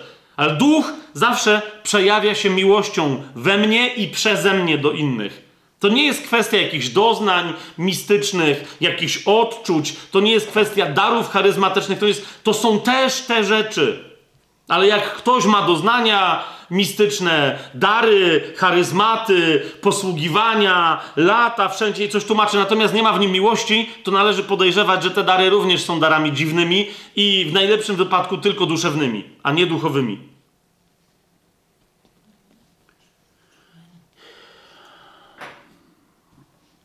I teraz najważniejsza rzecz, bo to można dalej by rozwijać, ale najważniejsza rzecz, widzisz, dlaczego ta miłość, doświadczenie miłości, zanurzenie się w miłości i wypełnienie się miłością, dlaczego jest takie ważne? 18 werset, bo w miłości nie ma lęku. Ale doskonała miłość usuwa lęk, bo lęk przynosi udrękę, a kto się boi, nie jest doskonały w miłości. Pamiętaj, kiedy się boisz, przestań się zajmować strachem. Bo znowu niektórzy powiedzą, no ale ja się tak czy siak boję się i przyznaj się do tego. Przyznaj się do jakiegoś rodzaju zatrwożenia. Pan Jezus, jak mówi, wracam do tego 24 e, rozdziału. Pan Jezus, jak, jak mówi, uważajcie w szóstym wersecie, abyście się nie trwożyli, nie mówi y, o tym, żeby zupełnie y, chodzić i cały czas. Nie, nie, ale, ale żeby być uważnym w momencie, kiedy się pojawia w tobie lęk, natychmiast co robisz? Przestajesz się na nim skupiać, przestajesz się na nim koncentrować. Szukasz czego? Szukasz Ojca. Szukasz przez Jezusa w Duchu Świętym doświadczenia głębokiego, doświadczenia miłości. Rezygnujesz ze swoich wysiłków i otwierasz się na Jego działanie. Rezygnujesz ze swoich wysiłków i otwierasz się na Jego moc. Rezygnujesz ze swoich koncepcji i otwierasz się na Jego pomysły i na Jego prowadzenie. To powoduje na, po prostu, że i rozumiesz, i nie odpuszczasz. Lepiej jest, kiedy się boisz, nic nie robić i zaczekać, aż usunie Pan sam z ciebie lęk, dać mu wykonać tę operację, niż działać, jakkolwiek ci się wydaje, że mądrze, pod wpływem lęku.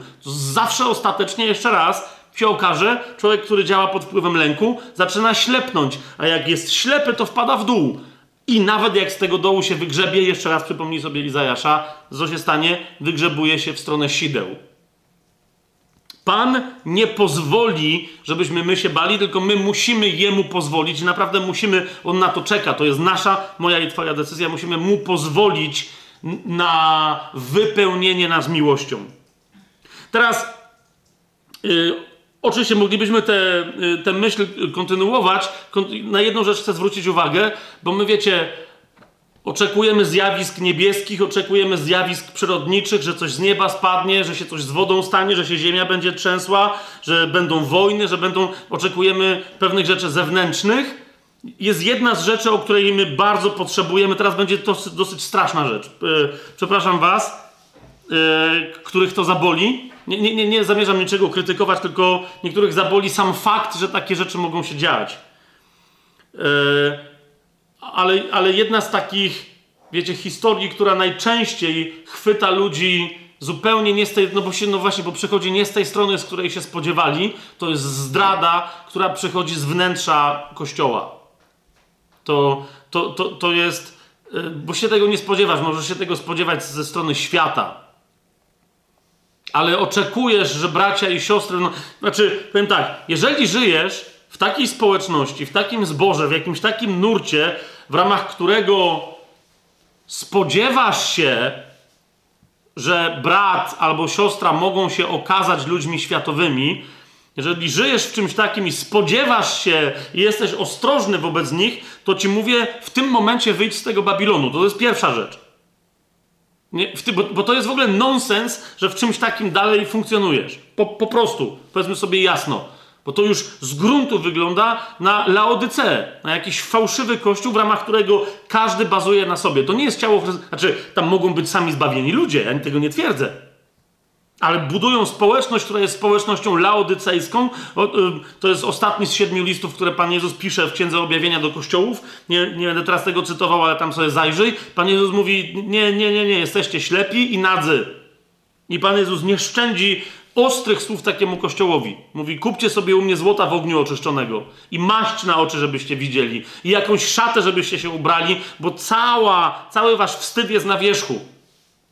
Król jest nagi, a wam się wydaje, że jesteście królem ubranym w jakieś niezwykłe szaty. Może dla ludzi po ziemsku tak, ale ja mam oczy, które płoną ogniem, a ten ogień nawet na was nie ma co spalić. Po prostu cała wasza nagość jest na wierzchu. I to, jak jesteście nadzy, jedyne co przykrywa, to brud, który was pokrywa. Więc jeszcze raz mówię, jeżeli jesteś w takim kościele, w którym nie ufasz braciom i siostrom, to, to się to po prostu, to albo stamtąd uciekaj, albo natychmiast rozumiesz? Wal tam w stół, aż się zrobi trzęsienie ziemi. Ja, ja mówię o, o społeczności, jak, jaką Kościół normalnie powinien być, że my sobie ufamy. I, i nadal może się zdarzyć. E, Paweł, przy, Panu Jezusie był Judasz. Pan Jezus o tym wiedział, no ale Paweł miał jednego z bardzo bliskich współpracowników o imieniu Demas. I w pewnym momencie jest bardzo jego bliski współpracownik. To mógł być ktoś taki jak Tymoteusz, gdyby rósł przy Pawle w Duchu Świętym. Kto, ktoś taki jak Tymoteusz, czy Tytus, czy Sylas. I w pewnym momencie Paweł pisze: Demasa już ze mną nie ma, bo ode mnie odszedł, bo umiłował ten świat. On mówi, to, to nie było, to nie, nie, nie, nie kwestionuje jego zbawienia, załóż, nie kwestionuje jego nowonarodzenia. Mówi, a nie wiedziałem, że wychowałem żmiję na swoim e, łonie. Nie. On po prostu wziął i poszedł. Mówi o innych ludziach, to już tam przy okazji tych innych ludzi nie do końca wiemy, czy oni byli wierzący, czy nie, ale bym się nie zdziwił, gdyby się okazało, że tak, byli wierzący. I zachowali się wobec Pawła jak najgorsi przeciwnicy ale mówi bardzo mocno, wstali i przeciwstawiali się w ostrych słowach temu, co, co mówiłem. W innym miejscu Paweł się nie skarży, on tylko mówi Tymoteuszowi, co się stało. Mówi, w, w, moim, e, w moim sądzie, w mojej próbie przed sądem zostałem sam. Ale rozumiesz, on nie ma, nie, nie ma nic przeciwko, e, nie, nie mówi tego przeciwko Kościołowi, on tylko mówi, zostałem sam. I dobrze, że to mówi, ponieważ my widzimy człowieka, który mimo, że został opuszczony i osamotniony przez Kościół, nie zgorszył się tym. Rozumiesz, co chcę powiedzieć? Nie, nie dał się tym zgorszyć. Zauważ, co dalej Pan Jezus w tym 24 rozdziale, yy, co do nas mówi. Yy, jak mówi o tym, że będzie głód, zaraza, trzęsienia ziemi w wielu miejscach, powstanie naród przeciwko narodowi i królestwo przeciw królestwu, mówi, ale to wszystko jest dopiero początek boleści. Zauważcie, to nas jeszcze, my jesteśmy dopiero we wstępie do tego początku. No jeszcze się naprawdę nic nie dzieje, że jest, że jest na świecie jakiś wirus. Ale Pan Jezus mówi dalej, to wszystko jest początkiem boleści. Wtedy, no jak mówi, żebyście się nie dali zwieść i żebyście się nie dali zatrwożyć, mówi, wtedy wydadzą was na udrękę. Będą was zabijać i będziecie znienawidzeni przez wszystkie narody z powodu mojego imienia. Niektórzy mówią, że ten fragment się tyczy Żydów. No nie bardzo wiem, dlaczego Żydzi mieliby być prześladowani z powodu imienia Jezusa. To jest ewidentnie kierowane do mnie i do ciebie. Musimy to brać pod uwagę. I teraz zauważ dziesiąty werset. Wówczas wielu się zgorszy, będą się wzajemnie wydawać i jedni drugich nienawidzić. Ostre słowa. Ostre słowa. Powstanie też wielu fałszywych proroków i wielu, yy, i wielu zwiodą. A ponieważ wzmoże się nieprawość, zwróć uwagę, miłość wielu oziębnie. I jeszcze raz wracamy do tego samego wątku. Łaska w nas zawsze, zawsze, zawsze objawia się miłością, a miłość, kiedy się w nas objawia, kiedy nas wypełnia, staje się aktywna. Ona nie polega na moim pławieniu się w doświadczeniu emocjonalnym, że Bóg mnie kocha, chociaż ono też przychodzi, ale ono się objawia w moim pragnieniu wyjścia do drugiego brata i siostry, aby go ukochać, bo jak Jan jeszcze raz przypomnę, powiada, jeżeli ktoś twierdzi, że kocha Boga, którego nie widać, a nie kocha brata, którego widać, to kłamie. Dlatego, że miłość do Boga jest wynikiem przyjęcia najpierw Jego miłości do mnie, bo On mówi wyraźnie, nie myśmy Go umiłowali, ale On nas pierwszy umiłował. I teraz jeżeli ja w związku z tym we mnie powstaje miłość i mówię, Panie, to ja Ciebie też kocham, to czym się ona wyraża? Miłością do sióstr i braci. Jeżeli ta miłość będzie ziębnąć, to jej przyczyną fundamentalną będzie trwanie na własnych wysiłkach, oparcie się i kurczowe trzymanie się rozwiązań wynikających z naszych teologii, z naszych struktur, z naszych koncepcji, z naszych dotychczasowych strategii i taktyk budowania kościoła, ewangelizacji itd., itd., itd. Nie. Dzieci Boże mają się wreszcie zamanifestować, objawić się najpierw wobec Kościoła, a wtedy zaczną tak świecić, Kościół zacznie tak świecić, że świat to zobaczy i będzie próbował to zgasić, ale światło nie jest, żeby stało pod korcem. Wtedy też się okaże, że jak oni przyjdą, to się okaże, że światło jest też solą tej ziemi. A sól powoduje, że cokolwiek jest posolone, może być uzdrowione, może być według Biblii zakonserwowane, ale staje się ofiarą. A zatem, yy, kochani, co, co chcę teraz powiedzieć? Bo myślę, że to jest coś, to czego my teraz doświadczamy, to wycofanie się, rozumiecie, to jest sąd nad Kościołem. Tak, nawet nie muszę chyba się powoływać, wszyscy znają ten fragment, e, że sąd zaczyna się od domu Bożego i w tym pokoleniu to jest czas sądu, który się właśnie zaczął od domu Bożego. Mieliśmy wiele proroctw i yy, yy, na tajemnym planie yy, odnosiłem Zwłaszcza my, jako tajemny plan, cała ekipa zdecydowaliśmy, żeby, żeby przypomnieć proroctwo Reinharda. Dzisiaj, mówiąc to już prawie sprzed roku, to był koniec kwietnia tamtego roku, kiedy Reinhard prorokował w Legnicy. I właśnie to jest to. Wszyscy e, charyzmatycy słuchają proroctw, e, ale jak myśmy to przypomnieli, nawiasem mówiąc, my sami żeśmy sobie przypomnieli, ty czekaj, ale chyba jakiś prorok coś gadał, to przecież nasz Reinhard prorokował. No i to było to. Nagle się okazało, że przecież on wyraźnie prorokował: przygotujcie się, Pan mówił przez niego: przygotujcie się, przygotujcie się, przygotujcie się. To był koniec kwietnia zeszłego roku. Najbliższych 17 miesięcy to jest czas waszego przygotowania, ale uważajcie, bo zacznę potrząsać. Zacznę potrząsać tym krajem, zacznę potrząsać tym kontynentem, zacznę potrząsać całą Europą i będę trząść, aż się wszystko, cokolwiek może być potrząśnięte, potrząśnie. I w ramach tego potrząsania, co się ma rozwalić, to się rozwali, a co było dobrze zbudowane, to się ostanie. I teraz y, nawet niektórzy, jak żeśmy ten, to proroctwo Reinharda przypomnieli, mówią, o okej, okay, to dobrze, bo Unia Europejska się rozwali. Całkiem możliwe, że się rozwali. Ale pierwsze, co zostanie, co jest potrząsane, to jest Kościół. Zauważ. To jest Kościół. Yy... Dzisiaj jest niedziela, kiedy to było w piątek, czyli, czyli przedwczoraj. Yy Rozma miałem radość rozmawiania z y, chrześcijanami z, różnych części świata, z Ameryki Południowej, ze Stanów Zjednoczonych.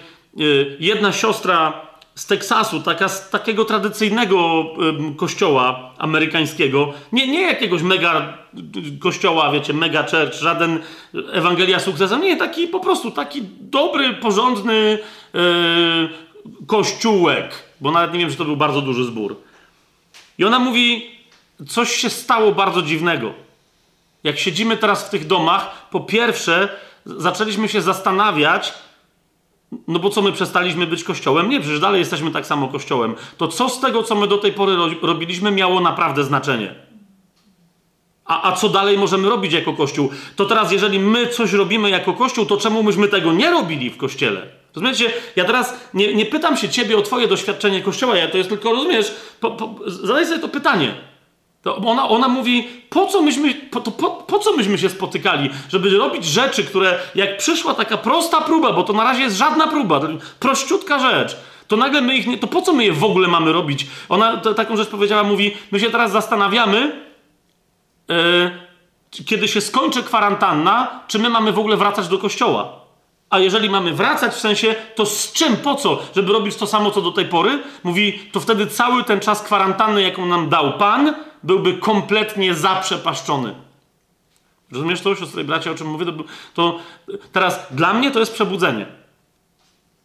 Dla mnie ta, ta postawa jej, braci i sióstr, także pastora, który, on, rozumiecie, bo to jest ciekawe, on, pastor tam mówi, no właśnie, Mówi, ja, ja, mówię, ja, nie, ja nie wiem, co my mamy teraz. Jak, jak nagle się okaże, że znowu się możemy spotkać w kościele, to sobie, ja teraz zaproszę wszystkich z powrotem na nabożeństwo w niedzielę? Mówi, no nawet jak zaproszę, ale co my mamy robić na tym nabożeństwie? No bo jakoś się okazało, że bez kolekty, bez y, y, dziesięciny, bez zespołu uwielbieniowego. Teraz jeszcze raz, Michał, tam to jest świetna robota, którą robisz. Mi tylko chodzi o to, że rozumiesz,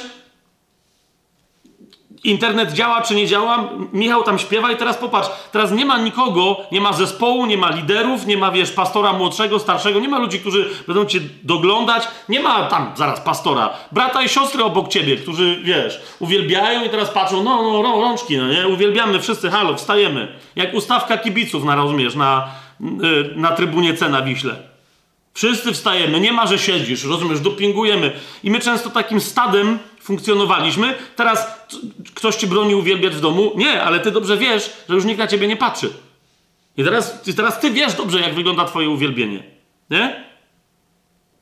Ty, to ty dobrze wiesz, czy w momencie, kiedy nie ma dookoła ciebie 10 osób, które, które się modlą na językach, to czy ty y, dzisiaj 5 czy 10 minut dziennie, czy godzinę, czy dwie się modlisz na językach?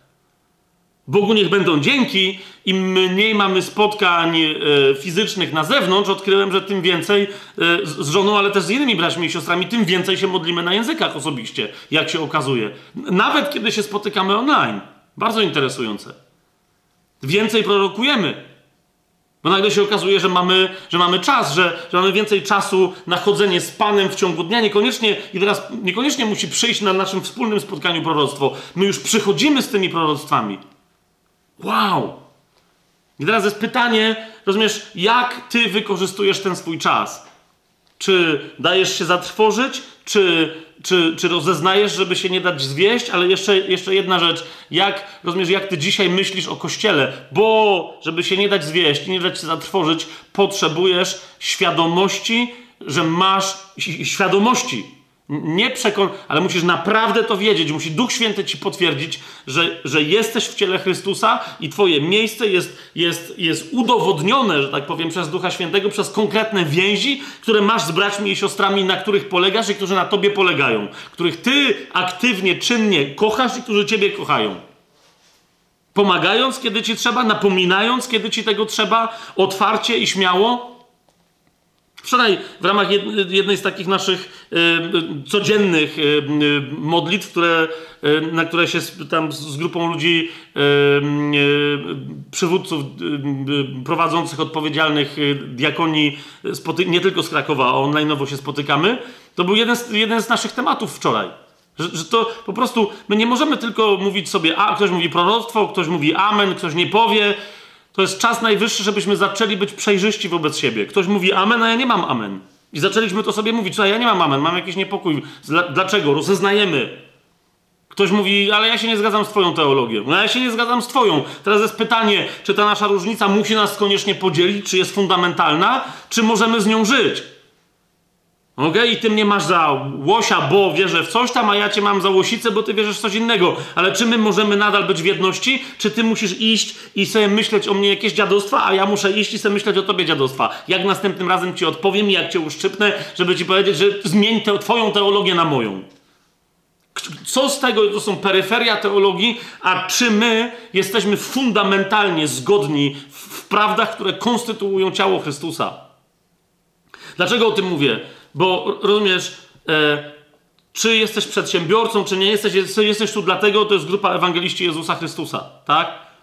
Jesteś tu dlatego, że kochasz Chrystusa i, i chcesz zrobić coś więcej dla Niego niż tylko być niedzielnym, akurat dziś jest niedziela, ale niż tylko niedzielnym chrześcijaninem być, który wysłucha kazania, nawet takiego długiego, jak ja teraz prawie.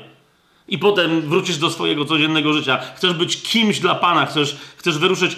Okej, okay, no, to, no, to, no to teraz potrzebujesz rozważyć sytuację Kościoła. A mówię ci, siostro i bracie, że zanim rzeczy zaczną się dziać w świecie, Kościół będzie już wzmocniony, chwalebny, gotowy do, do walki, zaprawiony do boju, ale do tego doprowadzi wojna domowa w Kościele.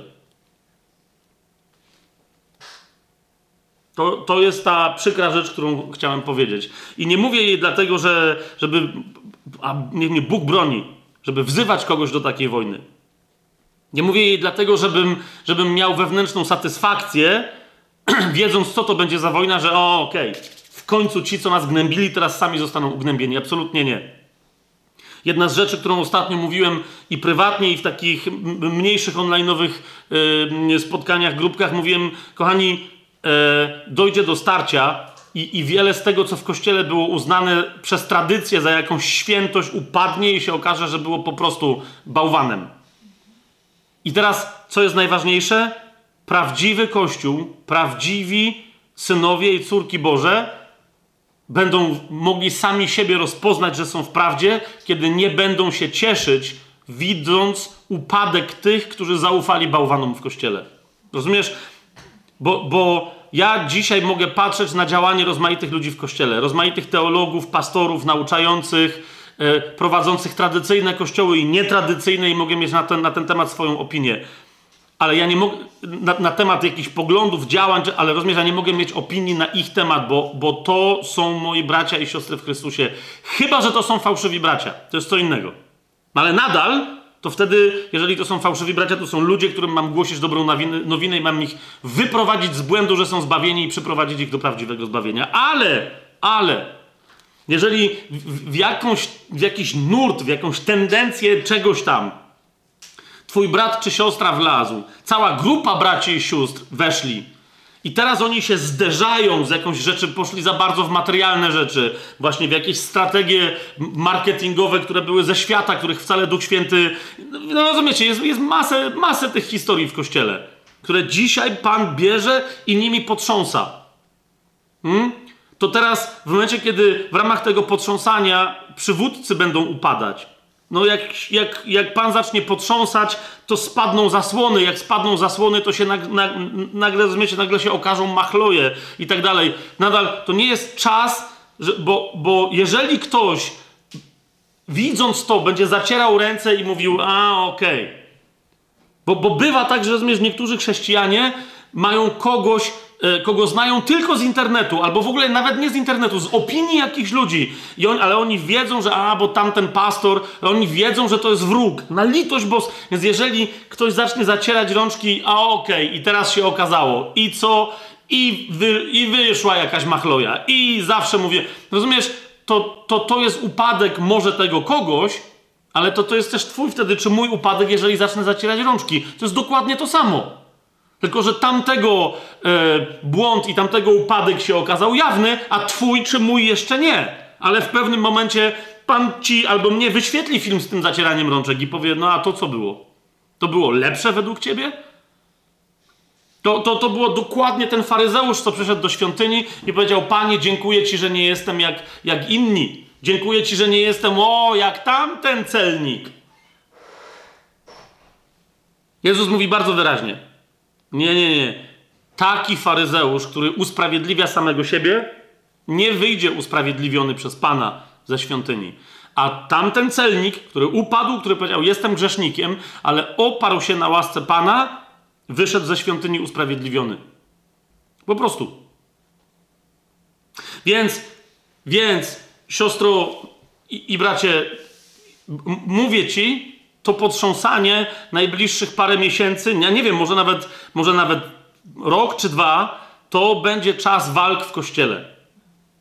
Diabeł zresztą w ramach tej walki, e, bo widzisz, ta walka się będzie toczyć o co? Właśnie o jedność. O to, żebyśmy wreszcie zaczęli być jedno. I w związku z tym diabeł, jak zawsze, będzie próbował nas zwieść w jakiś sposób, dając nam pomysł i koncepcję i projekt fałszywej jedności. I o to też się odbędzie walka. Ponieważ, ponieważ ci, którzy się nauczyli pokładać ufność w ciele, pokładać ufność w człowieku, pokładać ufność w pieniądzu, pokładać ufność w sile ludzkich rozwiązań, będą twierdzić, że jedność musi przyjść przez stworzenie jednej struktury. Widzialnej, jednej struktury, w ramach której e, rozmaite struktury połączą się w jedną strukturę. Tymczasem jedna, jedyna możliwa struktura, w jakiej my możemy żyć, to nie jest struktura, tylko to jest organizm i ten organizm się nazywa ciało Chrystusa. A w tym ciele głową jest Chrystus, a dostarczycielem życia, nauczania, prawdy, impulsu do tego, żeby działać do każdego zakątka ciała jest Duch Święty. I głowa, i duch działają jednomyślnie na chwałę Ojca, bo są jednym Bogiem, jednym, jedynym Bogiem. I to działanie będzie działaniem tylko i wyłącznie tych ludzi w kościele, którzy się zdecydowali być zwycięzcami, którzy się zdecydowali zrezygnować ze swoich koncepcji, ze swoich wysiłków, ze swoich starań, ze swoich pomysłów, którzy się zdecydują objawić chwałę Syna Bożego, objawić chwałę córki Bożej w imieniu Jezusa przez kompletne posłuszeństwo Duchowi Świętemu. To rozumiecie, to, to yy, nawet, nawet, nawet jak rok temu, dwa lata temu, trzy lata temu, cztery lata temu ktoś mi, y, ktoś przychodził i mówił, Fabian, e, zawsze w kościele byli tacy ludzie, którzy głosili takie radykalne koncepcje, uświęceniowcy, bracia plemuccy, przebudzenie walijskie, e, hrabia Zinzendorf, bracia morawscy. Zawsze były takie ekipy, ale wiesz, ale to musi być taka ekipa, ale jakby to jest też pewien... No, nie, to rozumiesz, to nie jest, ża- to nie jest żaden... E, to nie jest to, że to jest komfort, na który sobie Kościół może pozwolić, że w ramach swojego normalnego funkcjonowania ma grupę wariatów którzy są bardziej radykalni i oni wtedy nauczają, że trzeba słuchać kazania na górze Pana Jezusa. Rozumiesz? Bo to jest normalne życie chrześcijanina. To znaczy, albo upodabniasz się, dajesz się upodabniać Duchowi Świętemu do Chrystusa, rośniesz, idziesz z chwały w chwałę, łaska za łaskę, jak mówi Słowo Boże, albo nie jesteś uczniem. I, I, to nie ma tak, że ktoś jest normalnym uczniem, a ktoś jest radykalnym, nienormalnym, wariackim uczniem. Nie, nie. Albo jesteś uczniem, albo nie jesteś. W Ewangelii y, Łukasza, w tym 21 y, rozdziale, o którym wspominałem,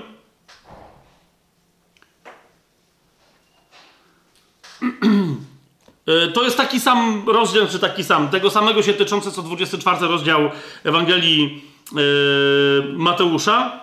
Tam też w 21 rozdziale Ewangelii Łukasza, w siódmym wersecie pytają Pana Jezusa uczniowie, nauczycielu, kiedy to nastąpi i jaki będzie znak, gdy się to będzie miało e, stać. Pan Jezus znowu zaczyna, uważajcie, abyście nie zostali zwiedzeni, tam się cała tam historia dzieje, ale jedną rzecz bardzo interesującą e, Pan Jezus dodaje w 34 wersecie tego 21 rozdziału. Zobaczcie, co się tutaj dzieje. Mówi, pilnujcie się aby wasze serca nie były obciążone obżarstwem, pijaństwem i troską o to życie, aby ten dzień was nie zaskoczył. Rozumiesz? Jak, jak cię zaskoczy ten dzień, jak cię zaskoczy nadejście tych historii, o których ja dzisiaj cały czas mówię, to to, to się skończy e, przestraszeniem, ulegnięciem trwodze i zwiedzeniem. Więc Pan Jezus mówi: Rozumiesz, to teraz, kiedy, jeżeli nie teraz? Mamy więc do tego najpierw się przebudzić. Pan Jezus mówi: Nie troszczcie się o to, co macie jeść i o to, co macie pić. To a propos tego makaronu, który mamy. Co to znaczy? Pytaj Pana, czy masz robić zapasy jedzenia, czy nie? Kiedy masz je robić? Jak się wszystko zaczynało w marcu, Yy, naprawdę, i ludzie zaczęli tam się rzucili na. Myśmy w ogóle inne rzeczy robili, jakieś nauczanie, coś tam nawet nie wiedzieliśmy się, że zaczęły się jakieś ruchy. Zaczął się skok na sklepy. Potem, jak się okazało, że no, jest taki skok, bo pojechaliśmy na jakieś tam zakupy do, do mniejsza o to, nie będę reklamować sieci, ale do jakiegoś takiego sklepu się okazało, że tam nic nie ma, bo nie było nowej dostawy.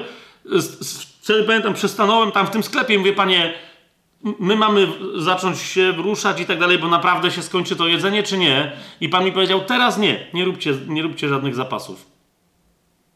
Ale ja ci powiem, kiedy będzie trzeba je zrobić. I powiem ci, gdzie je zrobić. Powiem ci, jak je zrobić. I będziesz mieć za co je zrobić. Więc siostro i bracie, jeżeli tu gdzieś twoja podstawowa obawa dzisiaj, yy, rozumiesz, krążysz, dobra, ale no, mam dzieci, mam... Jeszcze raz, E, Pan się o ciebie zatroszczy. Pan się o ciebie zatroszczy także przez Kościół, więc dlatego ci mówię, zorientuj się, w jakim jesteś kościele. Czy w, w, w kościele, który po której stronie stanie za chwilę, kiedy Pan powie: Sprawdzam.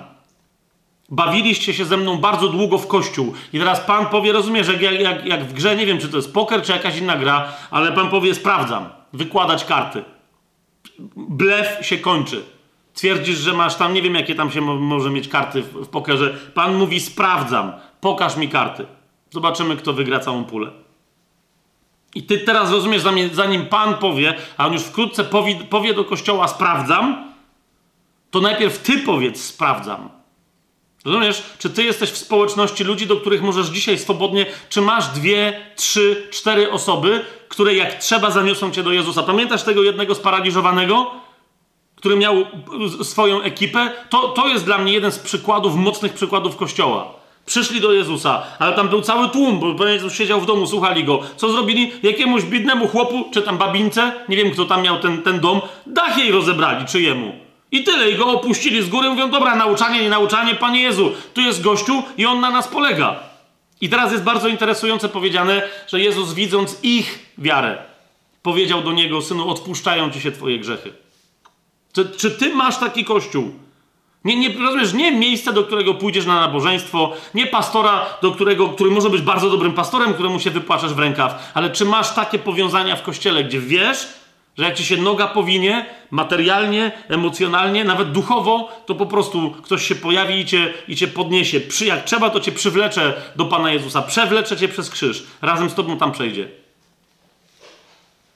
Dlatego, yy, jeszcze raz, Zobacz, zobacz co jest. 34 werset, ten 21 rozdział, 34 werset. Pilnujcie się, aby wasze serca nie były obciążone obżarstwem, pijaństwem i troską o to życie.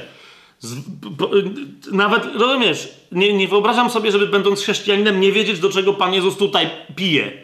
Kazanie na górze. Nie troszczcie się o to, co macie jeść, ani o to, co macie pić, ani o to, w co się macie przeodziewać, bo o to wszystko poganie się troszczą. Wy szukajcie najpierw Królestwa Bożego, a wszystko inne będzie wam dodane. Jeszcze raz, jeżeli to była zasada, która absolutnie obowiązywała w czasach dobrobytu, bo mieliśmy taki czas i nadal mamy. Rozumiesz, są miejsca na świecie, gdzie ludzie po wodę chodzą kilometrami i, i tak jak ją przynoszą do domu, potem ją muszą filtrować, bo jest brudna, żeby, żeby dzieci mogły się napić i, i jeszcze ją trzeba przygotować z 10 razy. Ale jeżeli przyjdzie nawet najgorszy głód na ziemię, rozumiesz, ta zasada nadal obowiązuje. Ona zawsze, wszędzie, we wszystkim obowiązuje. Nie troszczcie się o to, co macie jeść, o to, co macie pić, o to, w co się macie przyodziewać. Przestańcie się troszczyć o swoje życie. Ja się o nie troszczę. Wy się zatroszczcie o moje królestwo, ponieważ to wy, ciało Chrystusa, wprowadzacie to królestwo nie, teraz niewidzialnie, a potem widzialnie na całą ziemię. Nie pilnujcie się, pilnujcie, rozumiesz? Czy stoisz na straży swojego serca? Pilnujcie się, aby wasze serca, zwróć uwagę, pilnujcie się, aby wasze serca nie były obciążone obżarstwem, pijaństwem i troską o to życie. Aby ten dzień was nie zaskoczył. I patrz dalej. Jak sidło bowiem przyjdzie na wszystkich, którzy mieszkają na powierzchni całej ziemi. Ci, którzy są opieczętowani przez Pana, Jego znakiem, nie przez, nie, którzy nie zgodzą się nigdy na znamie bestii. Ci, którzy są opieczętowani Jego świętym duchem, ci mogą chodzić bezpiecznie po całej tej ziemi, która będzie tak usidlona, rozumiesz, u, u, usiana sidłami, jak pole minowe. My będziemy po tym polu chodzić, skakać i tańczyć. Dlatego, że będziemy chodzić przez wiarę, nie oglądając oczyma ludzkimi. Na tym to polega. Bo my chodzimy przez wiarę, my pielgrzymujemy przez wiarę, nie przez oglądanie cielesne, mówi Paweł. Jak sidło bowiem przyjdzie na wszystkich, którzy mieszkają na powierzchni całej ziemi. Dlatego, 36 werset, czuwajcie, modląc się w każdym czasie, abyście byli godni, uważaj na to, abyście byli godni uniknąć tego wszystkiego, co ma nadejść i stanąć przed Synem Człowieczym. Jedna z tych rzeczy, o które bywa, że mnie ludzie pytają, będzie oczywiście na ten temat całe ogromne nauczanie, e, znaczy ogromne, e, w miarę wyczerpujące na temat pochwycenia Kościoła. Ale dzisiaj trochę uchylę rąbka tajemnicy e, i, i powiem wam tak zupełnie między nami, jeszcze na razie cichaczem mówiąc, chociaż cokolwiek na ucho jest powiedziane, potem będzie głoszone z dachu, powiem wam, że nie jestem ani za pochwyceniem przedtrybulacyjnym, ani za pochwyceniem potrybulacyjnym, ani za pochwyceniem mid-trybulacyjnym. Ale jestem za pochwyceniem. No to kiedy w takim razie ono ma nastąpić? Widzisz, wy...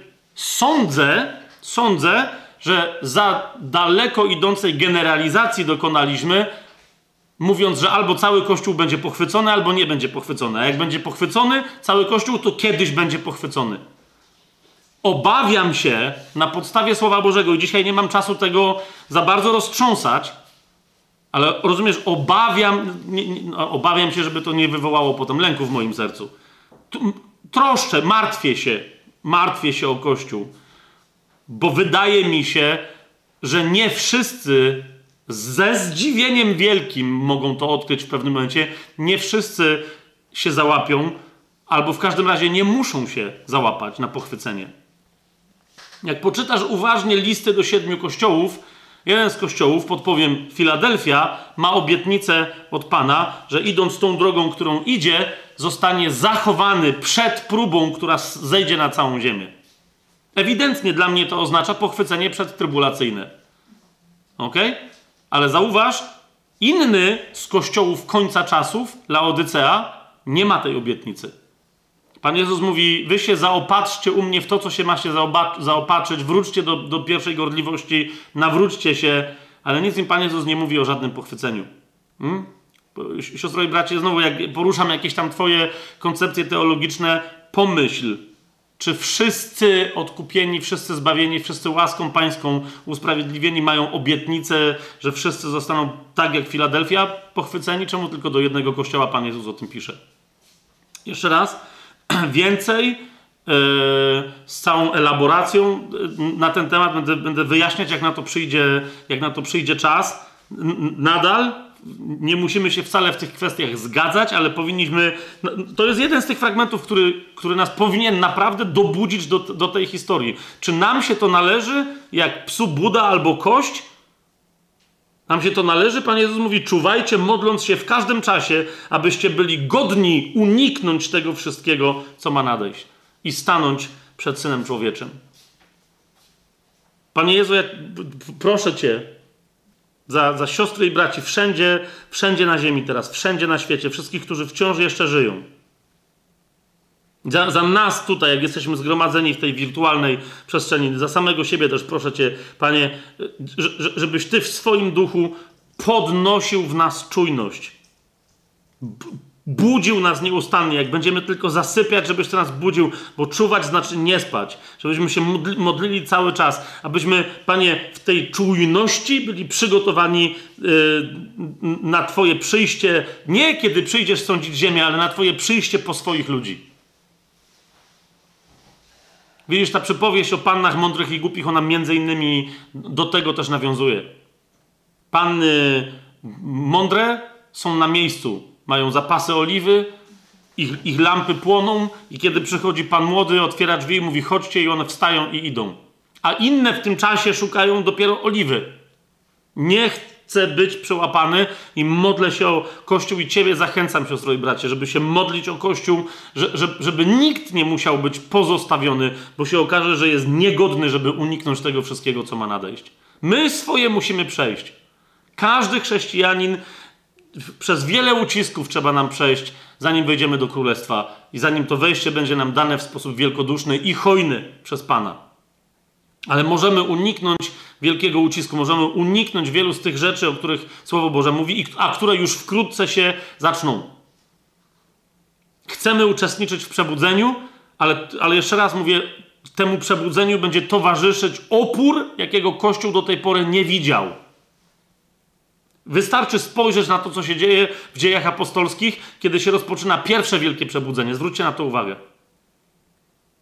Jest żniwo? Pewnie. Jest przebudzenie? Jest. Jest żniwo w jego wyniku? Jest. Trzy tysiące, pięć tysięcy nawróconych. Cała Jerozolima. I za chwilę co się dzieje? Prześladowanie. Ścinają Jakuba, prześladują innych apostołów. Piotr musi cudownie przez anioła być wyprowadzony z więzienia. Rozchodzą się do, po całej Judei Samarii i aż po krańce ziemi. Oryginalnie uciekając przed prześladowaniem. Więc to jest dokładnie, jeżeli my wołamy o przebudzenie, to, to my nie wołamy o prześladowanie, ale musimy być na to przygotowani. Pan Jezus mówi: Świat mnie znienawidził, więc was będzie nienawidził. Wy jesteście nie z tego świata, więc świat was nie zna, więc was nienawidzi. Czego się dziwicie? Czego się niby spodziewaliście, że co się wydarzy? Ale w tym wszystkim zachowajcie spokój. A im więcej tych rzeczy będzie się dziać, Pan Jezus mówi: podnieście głowy, bo oto nadciąga wasze zbawienie.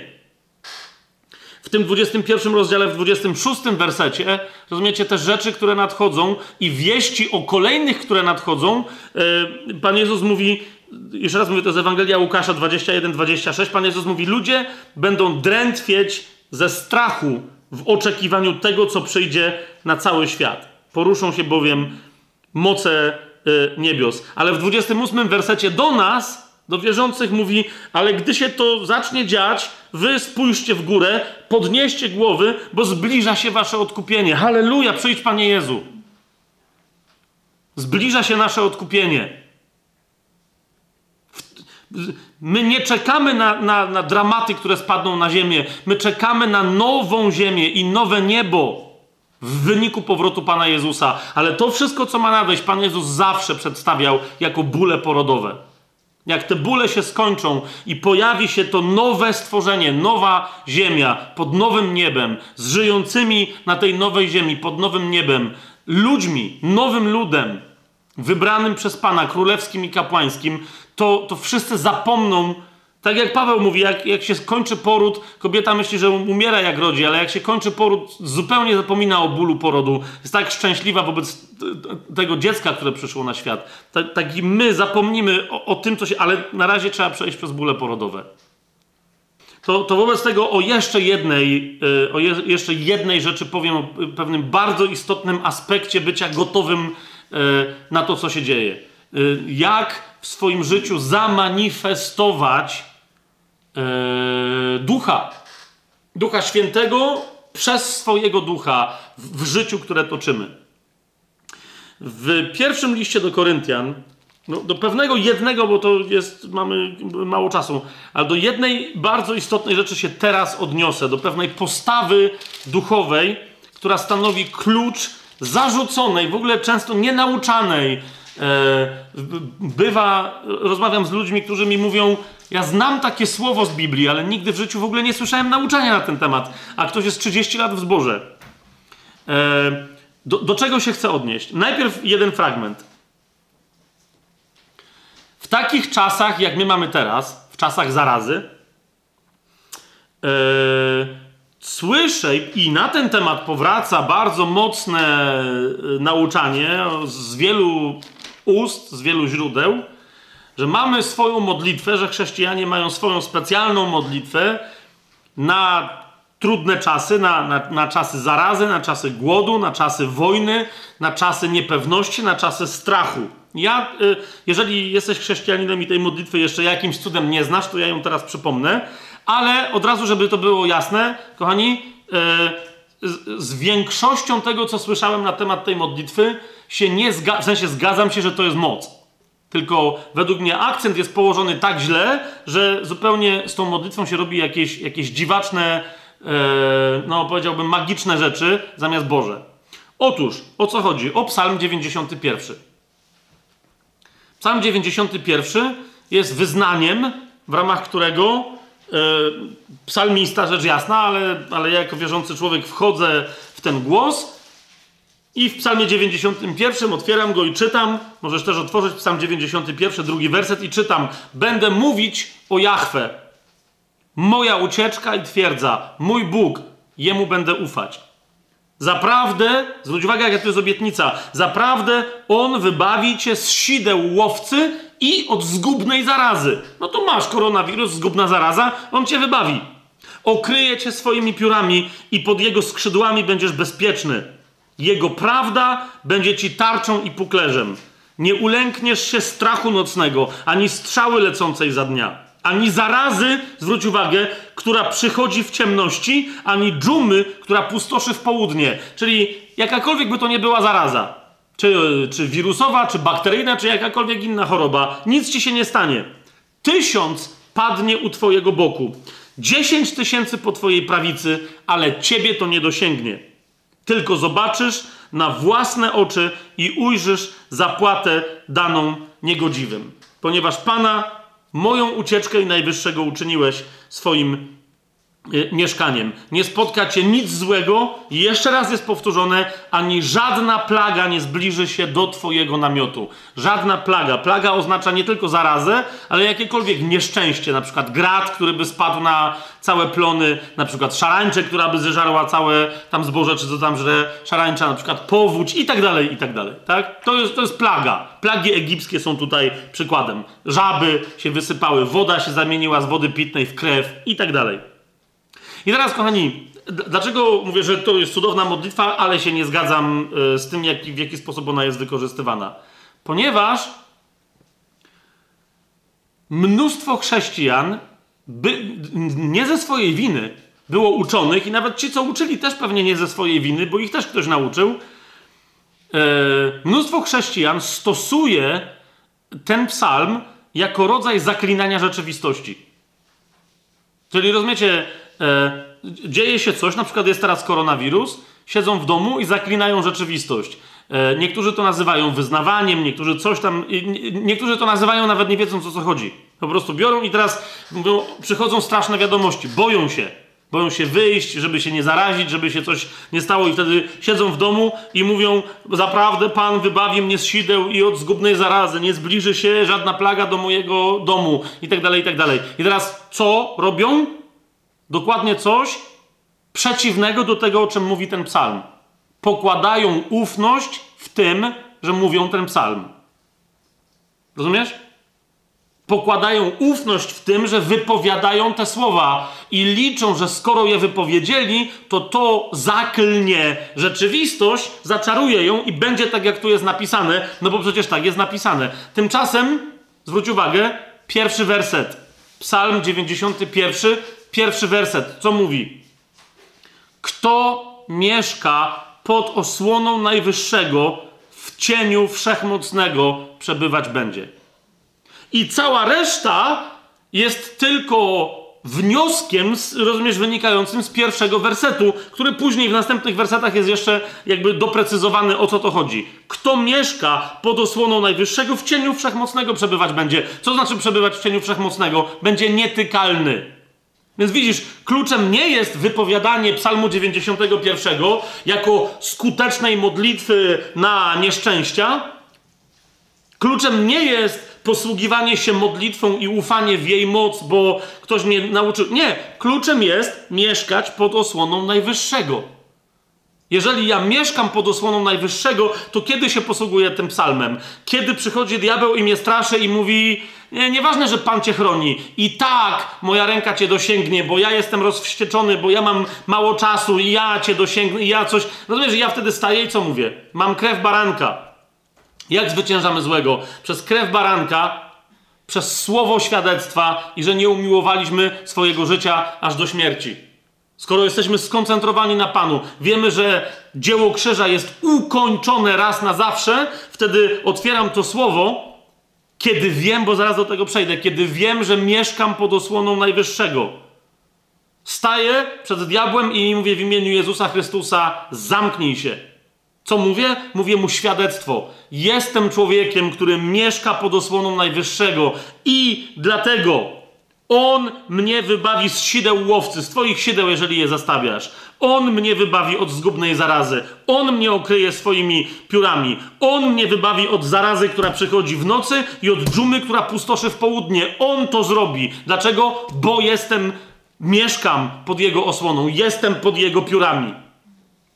A rozumiesz? Więc kluczem, żeby tym słowem się posłużyć i zgromić diabła, mówiąc mu prawdę, bo diabeł jedyne, czym atakuje chrześcijan, to ich okłamując, yy, a kiedy, no bo to jeszcze jest żaden atak, ale kiedy oni kupują kłamstwa od diabła i zaczynają się zastanawiać, a może rzeczywiście w tym wypadku. Mm, nie. Teraz więc to, co mnie chroni, to nie jest ten psalm, kiedy go wypowiadam. To, co mnie chroni, to jest mieszkanie pod osłoną Najwyższego. Kto mieszka pod osłoną Najwyższego? Dalej, psalm 91 te kwestie wyjaśnia. Czternasty werset to jest. Pan, rozumiesz, bo tam jest powiedziane, e, że jakby jak będzie jak się Bóg zaopiekuje tym, kto u niego mieszka. Tak? Wcześniej mamy powiedziane, rozkaże o tobie swoim aniołom, żeby cię strzegli i tak dalej. Na rękach będą cię nosić, będziesz stąpał. To jest dokładnie cała ta moc duchowa, którą mamy. Będziesz stąpał po lwie, po żmii, lwiątko i smoka podepczesz. Tam są wszystkie diabelskie obrazy. Y, ten lew ryczący, szukając kogo by tu pożreć, żmija, y, y, a smok oznacza, wiadomo, jaszczurkę, tak? Tylko, że dużą, rozrośniętą. Więc wobec kogo to Pan to, to wszystko uczyni?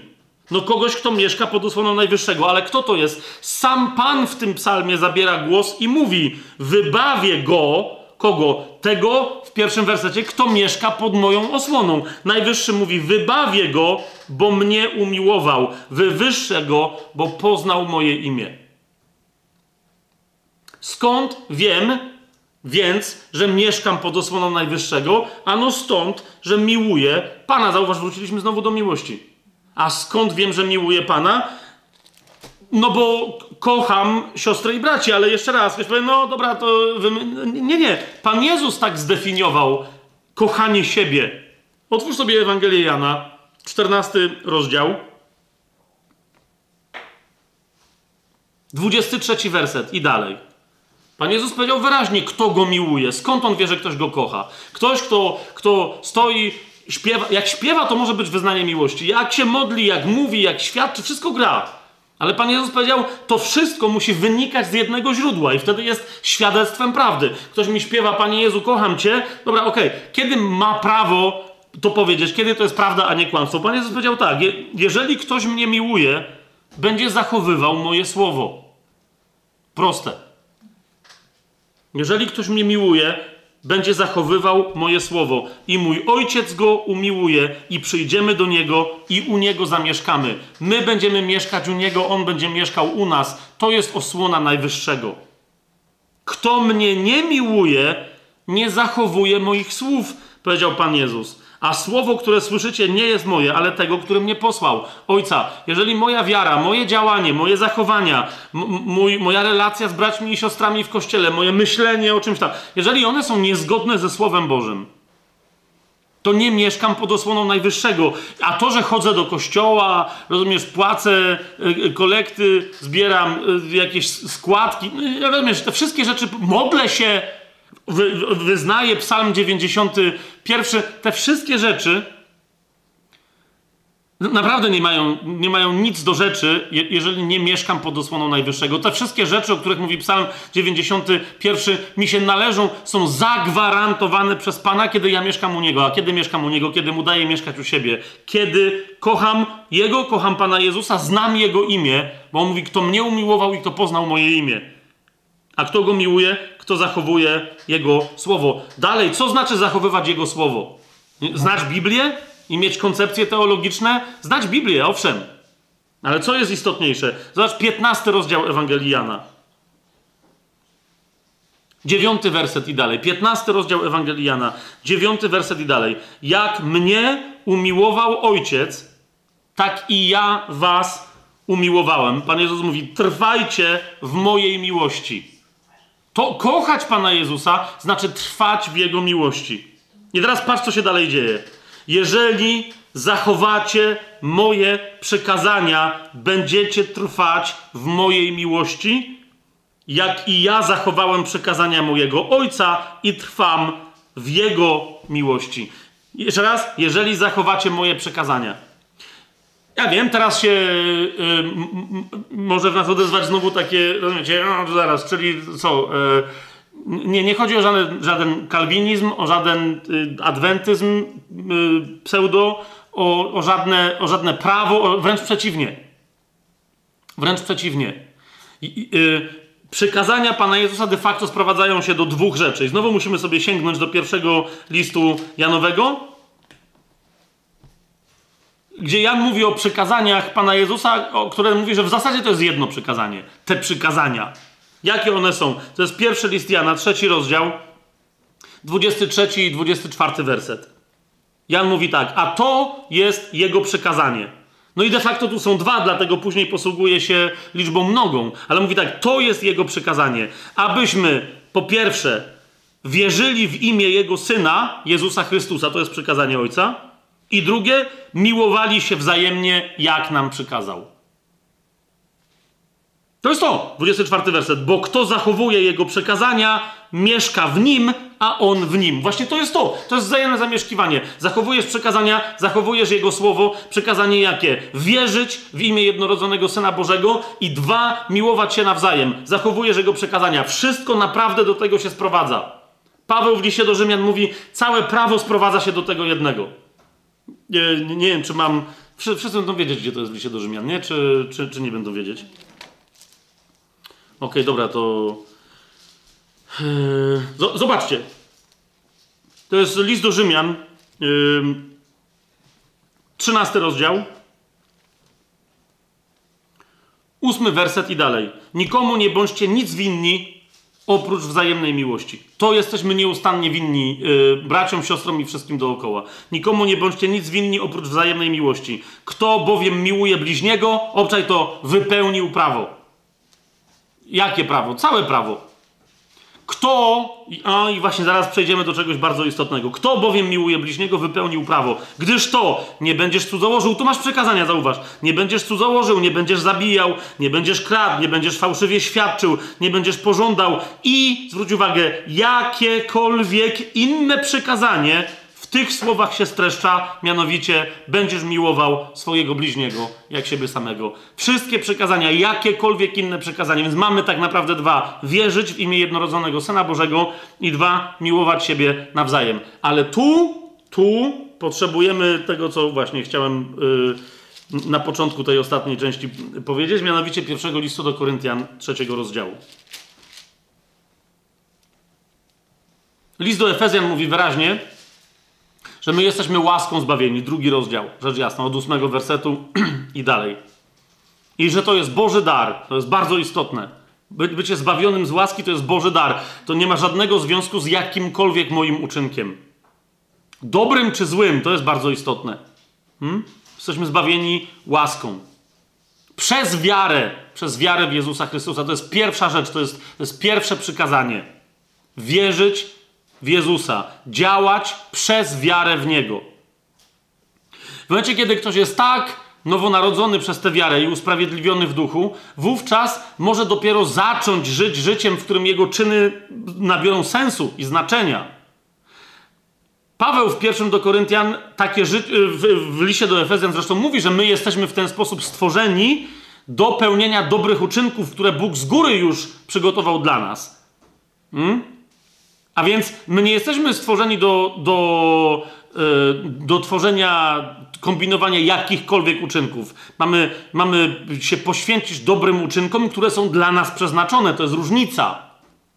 Teraz widzicie, mieszkać w cieniu Najwyższego, wypełniać przykazania pańskie, czy, idźmy dalej, oznacza czynić dobrze tym, którym Pan pokazuje, żeby im czynić dobrze, wtedy, kiedy Pan mówi, żeby to robić, tak jak Pan mówi, żeby to robić. Tam, gdzie Pan mówi, żeby to robić.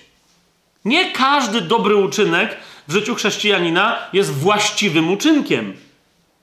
My mamy się nie oddawać grzechom. To jest jasna sprawa, mamy być od tego wolni. Ale wielu chrześcijan do tej pory żyło i żyje nadal w przekonaniu, że wystarczy być porządnym, dobrym, miłym e, chrześcijaninem, nie wywołującym skandali, w, w miarę dobrze się zachowującym, takim dobrze ubranym, uczesanym, przyjemnym człowiekiem. Dobry, to, to, jest koncepcja. Chrześcijanin to jest dobry człowiek. Chrześcijanin nie podnosi głosu, się nie denerwuje. Jak się denerwuje, to potem pokutuje i tak dalej. By, bycie miłym, przyjemnym, przyjemnym, zwłaszcza to jest to, dobrym człowiekiem, który daje innym święty spokój i sam też chce mieć święty spokój. Ale nie tak się rzeczy mają. Zauważ w pierwszym do Koryntian w trzecim rozdziale Paweł powiada, że bycie zbawionym to jest założenie w nas fundamentu, a potem naszym zadaniem jest na tym fundamencie budować i mówi rozróżnijcie, z czego budujecie. Paweł mówi tak, to jest pierwszy do Koryntian, trzeci rozdział, jedenasty werset i dalej. Paweł mówi tak. Nikt bowiem nie może położyć innego fundamentu niż ten, który jest położony, a którym jest Jezus Chrystus. No i to jest jasne. Ale dalej mówi, ale czy ktoś na tym fundamencie buduje ze złota, srebra, z drogich kamieni, drewna, siana czy ze słomy, dzieło każdego będzie jawne.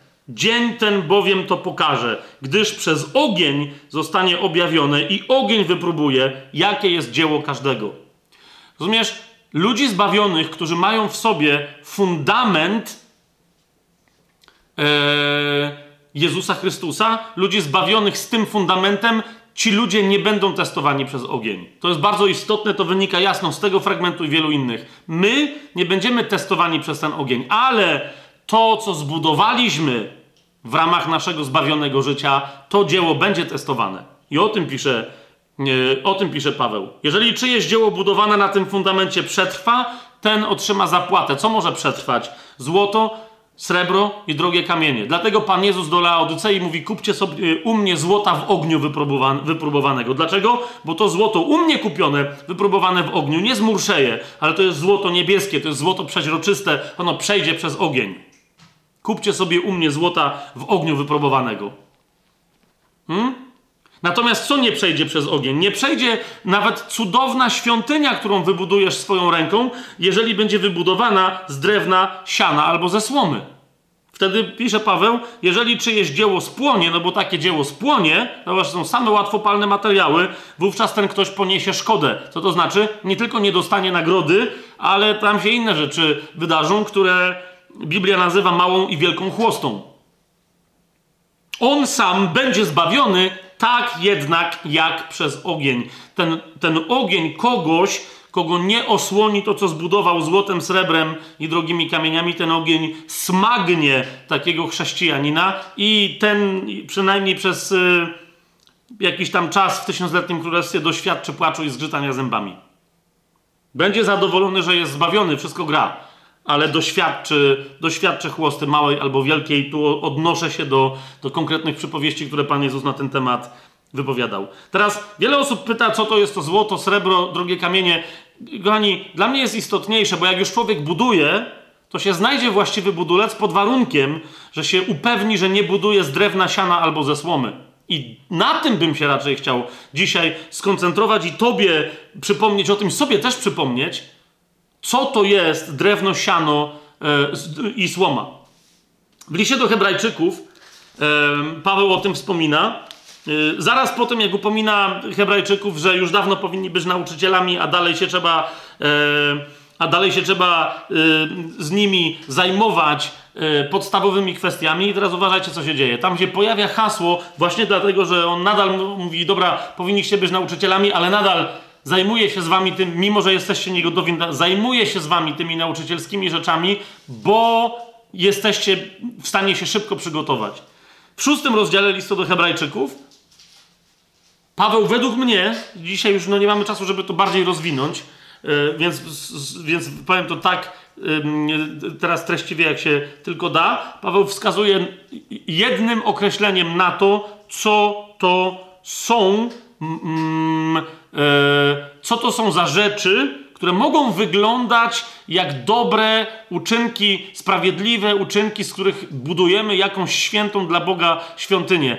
E, a, a tymczasem to jest drewno, siano i słoma. Co to jest drewno, siano i słoma? To jest jedna z podstaw, o której, e, od której powinniśmy pokutować, a my mamy masę ludzi w kościele, którzy nie tylko, że przy swoim nawróceniu z tego nie pokutowali, to dalej żyją wcale nie pokutując z tego, od czego trzeba się uwolnić. Otóż w szóstym rozdziale, w pierwszym wersecie, Paweł mówi: Dlatego zostawmy podstawowe nauki o Chrystusie i przejdźmy do tego, co doskonałe. Zauważ, nie zakładając ponownie fundamentu, no ale tutaj przypomina, co to jest fundament, bo się chyba obawia, że ktoś może nawet tego nie wiedzieć. I mówi, nie zakładając ponownie fundamentu, którym jest pokuta od martwych uczynków i wiara w Boga i tak dalej, i tak dalej, tam dalej kontynuuje. Mnie chodzi teraz o to jedno sformułowanie, martwe uczynki. Co to są martwe uczynki? Dlaczego Paweł tu nie posłużył się określeniem grzechy, pokuta od grzechów, ale od martwych uczynków? Ponieważ, kochani, martwe uczynki to jest dokładnie coś, z czym chrześcijanin nadal, jeżeli nie będzie z tego pokutować, może mieć do czynienia. Martwe uczynki to są też grzechy, ale to są też dobre uczynki. What? Ja, a, ja, a, jak to? No rozumiesz, Paweł mówi, no możesz się pomylić. Możesz zacząć z nich budować budowlę, która później nie przejdzie przez ogień. Takie będzie twoje dzieło. Jakie to są dobre uczynki? To są dobre uczynki, które ty wykonujesz, żeby zrobić coś dla Boga, a nie dobre uczynki, które Bóg przewidział, żeby były przez ciebie czy przeze mnie wykonane w ramach Jego planu. To jest zrobienie rzeczy, które się nazywają dobrymi rzeczami, które my uznajemy za dobre, które świat może uznać za dobre, ale nam nie chodzi o to, żebyśmy my robili dobre uczynki. To nie jest zadanie chrześcijanina. My mamy manifestować, objawiać, demonstrować życie. Rozumiesz? Martwe uczynki to są, uważaj co teraz powiem, wszystkie uczynki, które należą do sfery drzewa poznania dobra i zła.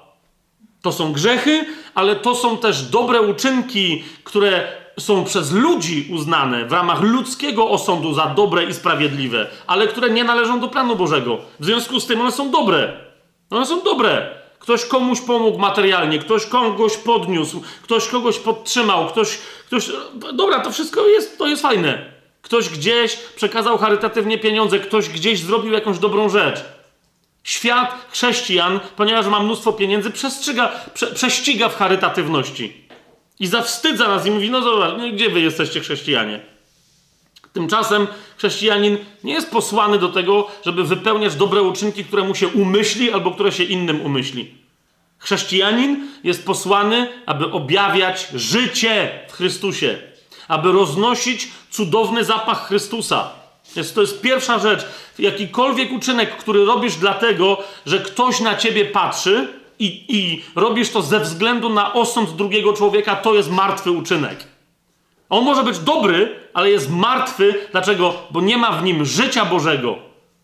Ponieważ robisz coś, żeby zaspokoić osąd ludzki, a nie osąd Boży. Dlaczego zaraz po pokucie z martwych uczynków pojawia się wiara w Boga? No aż w Ewangelii yy, Jana, nawet tam nie przechodzę, bo jeszcze ten jest do Hebrajczyków, nam się przyda. Piąty rozdział, 44 werset. Jezus mówi: Nie możecie uwierzyć. Dlaczego?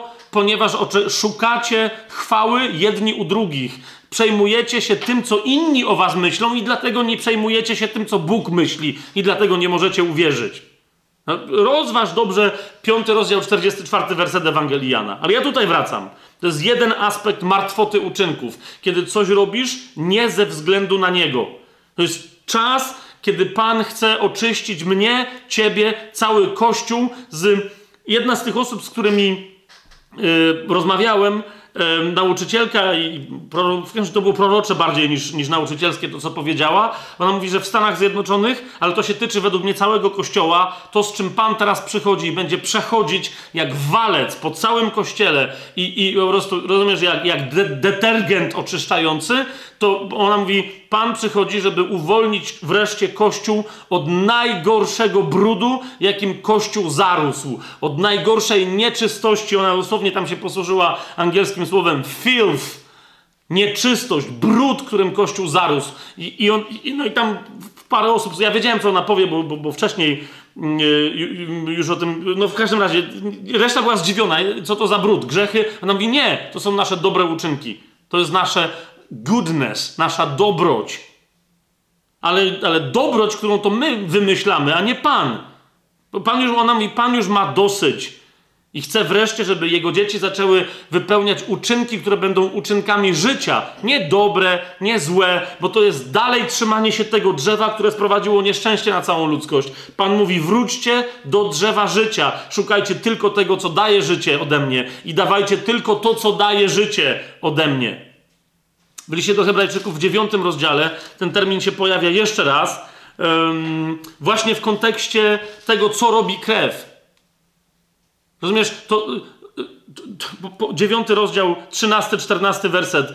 E, Paweł tam pisze: Jeżeli bowiem krew wołów i kozłów oraz popiół z jałówki, no więc właśnie z martwej jałówki, trzeba było biedną jałówkę zatłuc, jeszcze spalić, potem ją wrzucić do wody, żeby co mówi, jeżeli przez krew wołów i kozłów oraz popiół z jałówki, którymi skrapia się nieczystych, uświęca aż do oczyszczenia ciała, zwróć uwagę, 14 werset, to o ileż bardziej krew Chrystusa, który przez Ducha Wiecznego ofiarował Bogu samego siebie bez skazy, oczyści wasze sumienie, zwróć uwagę, z martwych uczynków, aby służyć Bogu żywemu. Krew Chrystusa, kochani, służy nie tylko oczyszczeniu nas z grzesznych czynów, z tych uczynków, które są nazwane przez Pawła na przykład w liście do, do Galacjan uczynkami ciała. Krew Chrystusa służy temu, aby nas uwolnić i oczyścić, i potrzebujemy się nią wreszcie po temu posłużyć z wszystkich martwych uczynków, z wszystkich tych uczynków, które robimy, bo uważamy my we własnym osądzie, że są dobre, a wcale nie wynikają w danym miejscu czy czasie z woli Bożej. I jeszcze jedna, kochani, rzecz. Najgorszy aspekt martwych uczynków to jest religijność. To jest robienie uczynków, którymi myślimy, że możemy zmienić serce Boga. To jest podejmowanie uczynków, przy pomocy których my swoim wysiłkiem próbujemy pozyskać Bożą przychylność, pozyskać zmianę. Ten rodzaj martwych uczynków jest bowiem rodzajem bluźnierczym.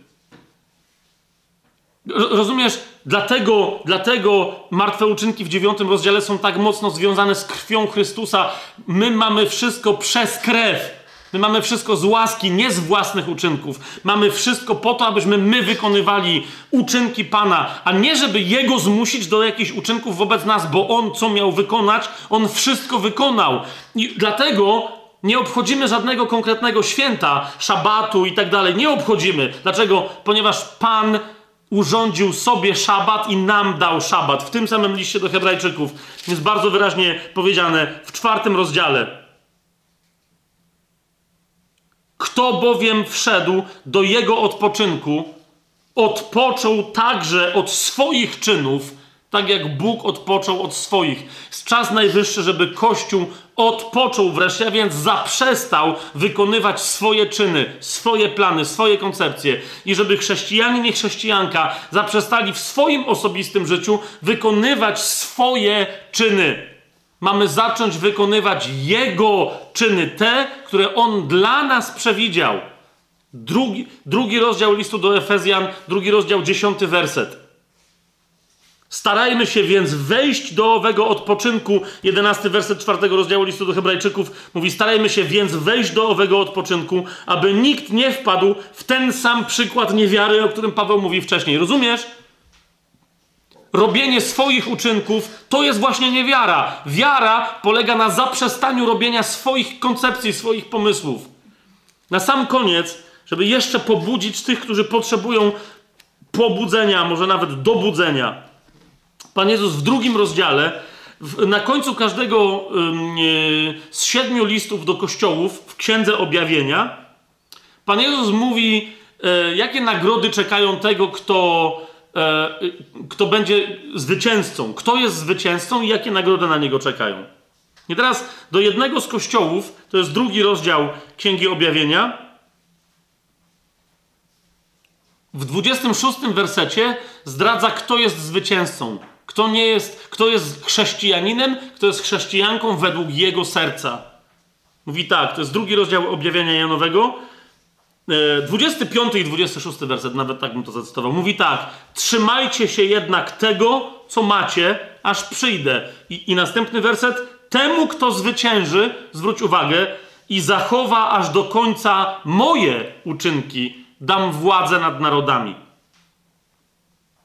Jezus mówi: nie, nie zachowujecie swoich uczynków, macie zachować moje uczynki, te, które ja wam objawiam, które ojciec od, od założenia świata przewidział, że macie wykonać, że chce, żebyście wykonali, wam nie powierzył. Rozumiesz? Kiedy będziecie zbawieni? Wtedy, kiedy to są takie uczynki, to jest to właśnie, masz budować ze złota jakiego? W ogniu wyprobowanego, kupionego od Pana Jezusa. Z takiego samego srebra, z drogich kamieni, które pochodzą od Niego. Jak budujesz z drewna, siana i ze słomy, to to są Twoje wysiłki. Czas najwyższy, żebyśmy zrezygnowali ze swoich wysiłków. Żebyśmy skończyli z, z całą religijnością, którą my myślimy, że Boga do czegoś przekonujemy.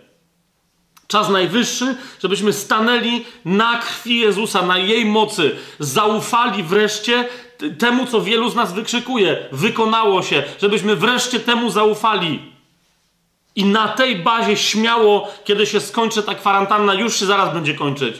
Żebyśmy wyszli do świata bez własnych e, zachcianek, projektów, misji, koncepcji, demonstracji, ambicji, tylko i wyłącznie z ambicją krwi Chrystusa, który mówi, która mówi największe rzeczy, większe nawet niż krew Abla.